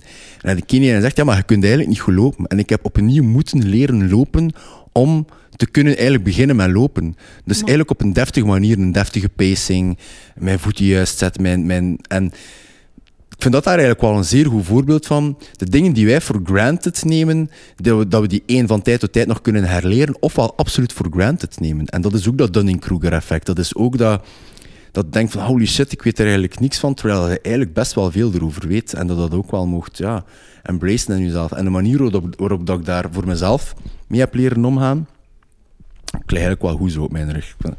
Eh hoe dat ik daar voor mezelf aan mee leren omgaan, is door mij niet emotioneel te attacheren, eh, is dat een woord, mij emotioneel te, Ja, wat emotioneel te verbinden met. ja, te, he- te hechten met, met mijn ideeën. Excuseer. En met de gedachten die ik heb over iets. Ook daar, je zit niet je gedachten, maar de persoon die er naar luistert. En dat is waarom dat, zo, waarom dat bijvoorbeeld een flat earther zo snel offended is. Omdat die heeft heel zijn identiteit gebouwd rond, ja maar ja, de wereld is plat en dat is mijn identiteit. En hoe dat ik mij emotioneel kan voorbereiden op nog duizend keer fout zijn in mijn leven. En hopelijk is door er één altijd voor open te staan dat alles wat ik denk fout is. En elk idee dat ik heb, om mij emotioneel daar niet aan te verbinden. Ja, dat gaat niet over... Veel mensen nemen dat op hun ego. Ja, voilà. Dat gaat over ego. Dat gaat over... Ik val samen met wat ik weet of voor wat ik sta. Of... of ehm, ja, er, er is niets of niemand naast dat. Ik ben wat ik uitdraag of ik ben ehm, in die discussie dat standpunt. Terwijl, nee. Ja, er zijn, maar er zijn ook... Je moet jezelf... Het, ga- het, gaat niet, het gaat niet over u. Het gaat over wat dat je zegt of wat dat je brengt. En, en, en kunnen we daarover open-minded met elkaar praten? Ja, en de opties die je jezelf wilt schenken om ook van gedachten te veranderen. Mhm. Dat is waarom dat volgens mij eh, gatekeeping zo sterk is in de muziekwereld. Iets wat ik heel hard heb gezien, en Nicolas ook genoeg in zijn leven, is dat... Ja, maar ja, het is oldschool hip-hop versus new school hip-hop. Het is commerciële muziek versus underground. Het is ehm, die techno versus die techno. En, of, of, ah, jij bent ook fan van die metalband waar ik fan van ben, maar je kent er niet zoveel van, dus je bent geen echte fan. Ik ben een betere. hè. Ja, ik ben een betere fan. Dat is super zot. En ik denk dat dat heel vaak komt omdat die mensen hun emotie, emoties enorm sterk verbinden aan fan zijn daarvan. Terwijl dat. Ja, je geeft jezelf een keer opties om te verbinden met andere mensen. En als je dan opeens geen fan meer bent van die band, dan is je identiteit ook opeens een lege zak. Dat kan niet, hè? En ik denk dat we dat wel wat te veel doen. Zeker als we discu discussiëren met elkaar, en zeker online, ja, dat moet ik tegen hun er niet zijn, of tegen niemand, is dat, er is geen ruimte niet meer voor nuance. Je zei links of rechts, je bent een racist of je bent het niet, je bent dit of dat, terwijl eh, die verbindingen gaan we net vinden door genuanceerd te zijn met elkaar en ons emoties niet te hard verbinden aan, dat is mijn gedachte, en ja, want dat is dus een beetje die, die, die fight-or-fight dat we anders kweken in mensen. Hè? Die amygdala die in vuur en vlam staan. Ik weet dat niet, ja. Ik Denk, dat- daar denk ik toch veel over na. Ik word persoonlijk ook wel graag een keer, eh, ik hoop dat het juist gezegd is, ongelijk bewezen. In mijn ongelijk bewezen. Zo ja, als ze, als ze mij op een bepaald punt een keer over iets kunnen aanspreken of antwoorden, dan zeggen van, hey, eh, ik weet dat je dat zegt of dat denkt, maar wist je dat? En dan mij een uitleg doen waar dat mij dan kan op vastbijten, om zo ook een keer verder daarover te gaan nadenken en verder te gaan zoeken. Dat doet mij eigenlijk altijd wel deugd. Je hebt altijd die initiële reflex van, "Ha, nee, ik wil juist zijn. maar ja, Maar je kunt dat wel kweken dat dat niet te lang duurt in de Ah, wel, voilà, Dat voilà. zo snel mogelijk dat wel bij het juiste ik, terecht. ik ben, daar, ben daar beter en beter eh, beginnen mee omgaan, doordat ik ook soms dan terugkeek op de vorige keren dat dat mij is ehm, gebeurd en wat ik daar dan uit gehaald heb. En daarom, omdat je dan zegt ego, het gaat over ego, dat het, dat het inderdaad, dat mag u niet beletten van ja, beter of, of slimmer of, of, of ruimer te denken. Want niet zo erg dan zo te nauw over iets denken, niet? Ja, ik denk dan, het is toch veel. Het is, ja. Ik probeer altijd wel weg te blijven van, is het juist of fout? Maar wel van, kunnen we er niet over filosoferen? Wat wij nu aan het doen zijn, eigenlijk al twee uur lang. Kunnen we niet even van gedachten wisselen? Ik heb zo die, eh, die shift gehad, maar al een tijd natuurlijk, maar zo de laatste twee, drie jaar. Ja, voor sommige mensen gaat dat misschien controversieel zijn, maar het is wat het is. Ik, ik had altijd bijvoorbeeld vroeger het idee dat bijvoorbeeld rechtse politiek, dat dat nu niet om de politiek te tint, maar het is gewoon een voorbeeld, dat dat per definitie slechte mensen zijn. Weet wel, als jij voor rechts stemt, dan ben je per definitie een slechte mens. En als jij links stemt, dan ben je per definitie een goede mens. Wat dat een vrij rare manier van denken is. En voor mij was een soort van inner healing om ook mijn emoties te detacheren van de gedachten die ik heb. En ik heb dat gaanderweg een beetje geleerd door bijvoorbeeld een keer wat, goh, wat, wat content checken die eigenlijk helemaal andere ideeën had dan ik had over bepaalde topics. Het heeft zelfs niks met de topic te maken. En dat heeft mij gigantisch veel deugd gedaan, omdat ik nu zo naar debatten kan luisteren, zeker in Amerika, omdat ik me daar volledig van kan detacheren. Dat gaat dan niet over politiek in België, ik heb daar niks mee te maken, ik woon daar niet. En dan hoor ik bijvoorbeeld een keer een standpunt uit links of rechts of centrum. En dat heeft ervoor gezorgd dat ik nu een mentaliteit in mijn eigen heb gekweekt, dat ik veel meer opties heb om bij te leren van mensen die een heel andere visie hebben in het leven. En dat ik bij mijn eigen keer kan uitnodigen van, ah, die persoon denkt daar zo over. Ik hoef daar niet mee akkoord te gaan, maar ik mag wel een keer luisteren naar die persoon. En op het einde heb ik misschien mijn mening veranderd, misschien ook niet. Maar ik heb sowieso met die persoon meer verbinding kunnen creëren over een bepaald standpunt. En ik denk dat we dat ook meer met elkaar moeten doen. We zitten in die gepolariseerde samenleving. Ik denk dat we soms een keer moeten kijken van, ja, maar waarom denkt iemand zo over iets? Zit daar een bepaalde laag van kennis onder? Of is dat misschien eerder angst? En dan nog moeten we er niet over oordelen, maar gewoon een keer observeren en misschien kunnen verbinden met elkaar. Jij en ik, Nina, zijn al over dingen niet akkoord gegaan. Nicolas en ik ook zeker. Maar dat is net mooi, omdat we kunnen zeggen, ah, oké, Nina denkt dat daarover. Ik respecteer haar daarvoor en ik heb daar iets uit bijgeleerd. Ja, inderdaad. Ja, ik wou nog iets zeggen en ik ben het vergeten. Pak je een tijd. Ik kan het een powernap doen. Powernap, ja. Dat is geen waar. Ehm ah. Zeg nog iets wat je gezegd hebt. Gewoon helemaal opnieuw. Ben je nog iets op? Dus twee uur en een half geleden. Ik, ik, ik, speel, ik hers- rewind gewoon zo de tape en ik speel zo dat opnieuw af terwijl dat we zitten te wachten. Zo. Ja. Haal dus Ja. Nee, dat, we, dat, dat jij en ik al meningsverschillen hebben gehad over bepaalde dingen en gezonde meningen. Zo, zo op een gezonde manier niet akkoord gaan met elkaar. En dat ik mijn, mijn emoties niet attacheer aan wat dat jij zegt, maar ook niet aan wat dat ik zeg. En dat heeft ervoor gezorgd waar ik drie jaar geleden, ja, ik ga niet getriggerd of offended was door Ik weet het, dat... ik weet het, ik weet het. Ja, ja, zeg het, zeg het, zeg het, zeg het. Ik ga het zeggen, want anders ga ik het Bring. Zeg het, Walter. Dat is gelijk als, als je zo discussies ziet op tv en dat wordt zo op de man gespeeld. Ja, dan weet je, Oh. it's already a losing game, hè. Oh, dat is zo pijnlijk om naar te kijken. Dat brengt niemand iets bij. Niet de mensen die aan het discussiëren zijn. En ook zeker de kijker niet. En what's the point? Allee, dat, dat Maar het spijtige is dat dat gebeurt in programma's gelijk ter zake en vol een bak, hè. het zal wel. Ja, maar hij heeft toch Ik vind u geen daar- leuke, dus ik ga je punt proberen ondermijnen. Ja. Ik weet, als mensen dat bij ons doen, dan weet ik, you already lost. Het is al... eh, ja, en- dan gaat het weer over winnen en verliezen. En Nee, met mijn last, met mijn last bedoel ik niet over het punt winnen of verliezen, maar zo, you're already lost als in geloopt verloren. Als ja, in, ja, ja. Als in van, wat, wat, dat brengt mij niks bij. Maar dat is ook spijtig. Heel veel debatten, en zeker een publiek debat, gaat ook niet over, over, over een consensusbereik. Want eigenlijk een gezond debat of een gezonde discussie gaat over, kunnen we samen de koppen steken om samen bij te leren. Heel veel publieke debatten, en jammer genoeg ook privédebatten tussen individuen, gaan, al, gaan meer over, ja, maar ik heb gelijk. En zeker in een publiek debat gaat het om, om, eh, ja, om soms een beetje de andere schande toe te brengen. hè. Ja, maar dat is het punt dat je niet meer aan het argumenteren bent met elkaar. En dan is er eigenlijk ook geen debat. Hè.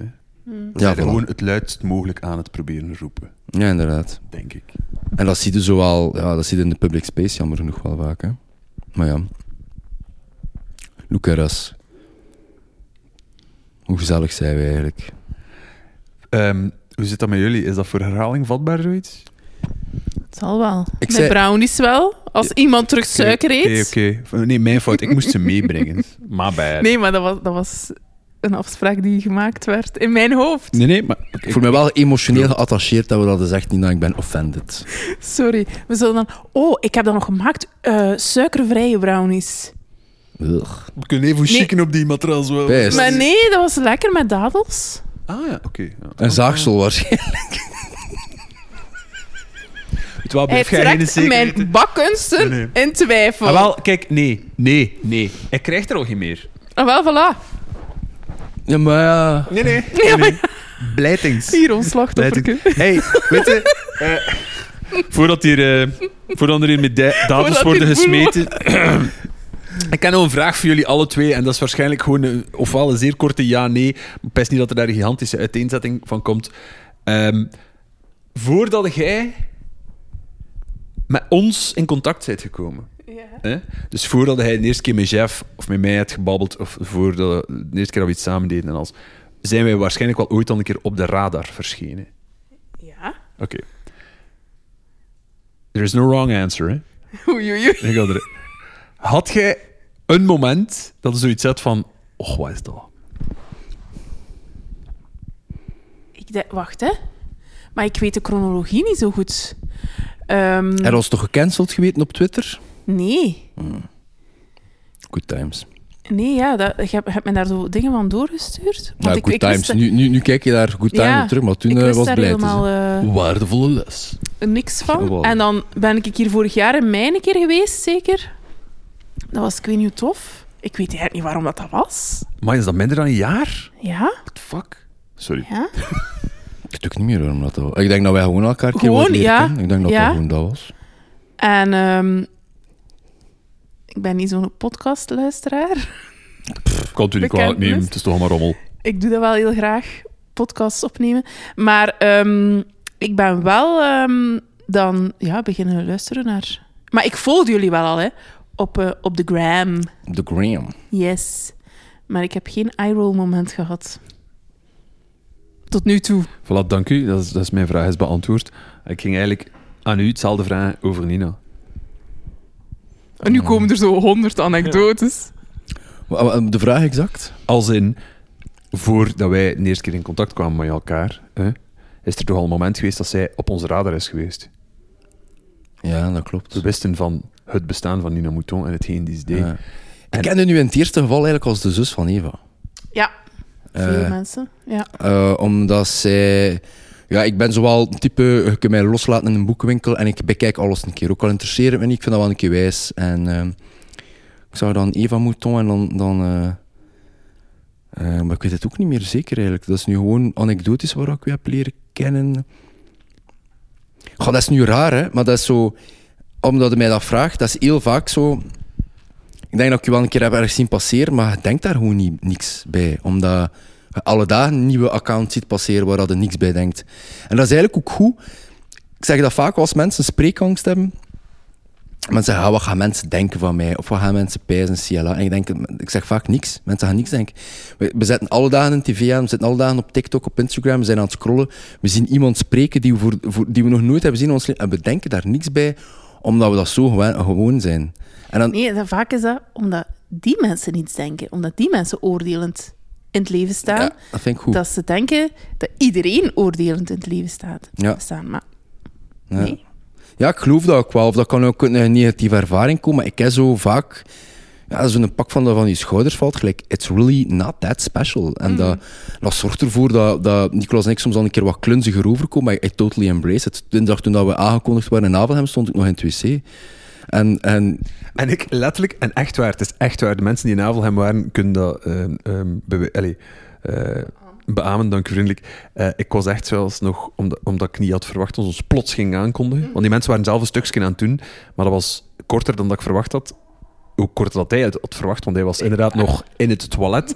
En ik zat echt nog, omdat ik dacht van, moet mij raasten, met twee van mijn drie dino-koeken, jawel, in mijn mond. En dat is niet het moment dat ik hem begin spreken. En plots was het zo, ah, eh, van Nicolas van Opspreker. En zo, joink, microfoon en zo. Dat was niet wijs. Dat was niet wijs. hey, true story, what can I say? Ja.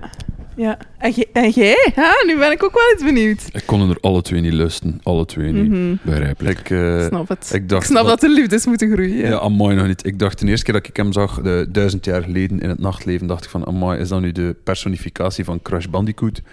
Eh, bleek later zo te zijn. We zijn al vanaf minuut één vrij goed overeengekomen. Maar bij ja, jongen. En insgelijks jij en ik, want hij zat hier plots en ik was... eh, weet je wat? Ik zou het soms niet altijd denken, hè, maar... ehm, ik ben altijd zeer terughoudend als ik nieuwe mensen leer kennen. En als ik denk van, hm, daar is misschien wel iets mee te doen, van te leren, wat dan ook. En hoe langer ik wacht me dan in te pikken op het gesprek, wat dat soms bij sommigen verkeerd overkomt. Ik heb dat bij u gedaan en ik heb dat ook bij u gedaan. Ehm, Ik weet dat niet meer. hè, ja, maar ik weet, kijk het. Ehm, is dat eigenlijk een goed teken voor mezelf dat ik weet van, kijk, ik ben hier zoveel mogelijk aan het opnemen van die persoon als eerste indruk, omdat ik al merk dat het mij interesseert of boeit. En dat vind ik nog twee verschillende dingen. U interesseren of boeien zijn twee verschillende dingen voor mij. Ja, dat is En ehm, vandaar dat, als ik dan de eerste keer Jeff heb aangesproken, dat wij inderdaad subiet goed overeenkwamen, omdat ik dacht van, het is me iets nuttig dat ik wil tot bij hem komen. En kijk, the rest is history. En bij u van hetzelfde, hij zat, de eerste keer dat ik u heb in de lijve ontmoet, was letterlijk hier. En hij had een gesprek met Jeff, ik was maar publiek. En dan heb ik daar ook al mijn tijd voor genomen, omdat ik dacht van, oké, oké.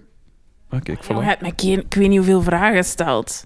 Exact, maar, maar Ja, Ik ja, wellicht, ja. Eerst meer dan een half uur gewacht voordat ik ben begonnen. En dan heb je een waslijst van vragen. Mhm. Ja, ja, ja, maar ik weet het nog wat je zei. Ja, sorry, maar ik heb daar nog een vraag over. En ja, is het oké dat ik daar vraag over heb? En wel, kijk, en dat is nu even zeer, zeer 100% eerlijk hoe dat ik weet dat ik een basis ga hebben van een goede vriendschap als ik iemand ontmoet en in eerste instantie niet echt aanwezig ben en zeer stil, omdat ik het allemaal wat in mij aan het opnemen ben. En dan heb je het aan je been dat ik je echt een telefoonboek van vragen stel. Ja, dat klopt wel. Zit er wel goed in, zo eerst luisteren en dan spreken. Ja, ik herken dat ook bij mezelf. Als ik aan iets eh, aan u pijs, eh, niet dat een van uw eigenschappen die ik het meest kan appreciëren, en ook in het algemeen mensen het meest kan appreciëren, is hetgeen wat ik daarnet zei, is dat je zeer oordeelloos bent. Ja, dat is wel waar. Is dat je, je, je, je vraagt niet door, je voelt vrij spontaan aan wanneer dat ik iets zeg tegen je om niet door te vragen. Dat klinkt misschien raar dat je dat zo zegt, ook al hebben we daar wel verstandhouding in dat je dat wel zou kunnen doen en dat je ook zou mogen doen, maar je voelt zo van, ja, ik ga daar een keer niet over doorvragen. Ehm, ik kan nu niet echt een voorbeeld bedenken, maar je bent ook zeer oordeelloos, want ik kan, er, ik kan er zeker van zijn, omdat ik soms een specifieke mening heb over dingen, dat ik denk, "Amai, daar ga ik niet mee akkoord. Maar dat dat dan ook laat voor wat dat is. En ik vind altijd een goede eigenschap in mensen. Ik sluit is daar volledig bij aan.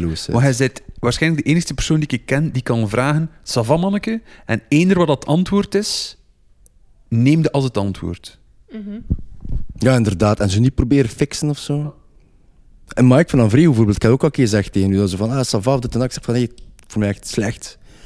En dat je zo, dat, dat zo die, die basiscompassie hebt getoond, maar zo niet, niet een, nog een oplossing, nog extreem bezorgd of zo. laat het gewoon toe, hij laat, Ja, het laat gewoon het antwoord toe. Ik denk dat meer mensen dat dank doen. Nog, Ja. nog die oplossing, dus met nog met CH voor duidelijkheid.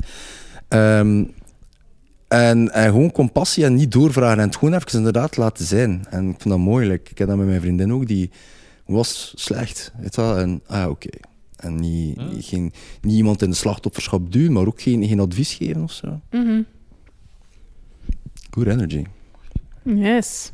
High fives all around. Op naar extra lange episode 2. Ik Ja, denk dat we graag. het best gaan af, afsluiten. Hè. Ik weet niet hoe lang dat, dat een podcast mag zijn. Hè. Ah, ja, op Spotify. Strak, ja, straks hebben we niks meer om, om in de tweede aflevering over te praten. dat zie ik in the history of forever never gebeuren. Ik ook niet, ik ook niet. Dank u, boys. Dank u, Nina. Ehm, aan iedereen die het tot hier heeft gehaald, proficiat. komt mij tegen in levende lijven, trakteer ik u op een croissant. Voilà. Ik dacht, ik dacht, dacht dat bijna zijn een krakante dinokoek. Nee, don't touch my dino cookie. Alright, tot nooit. Hallo!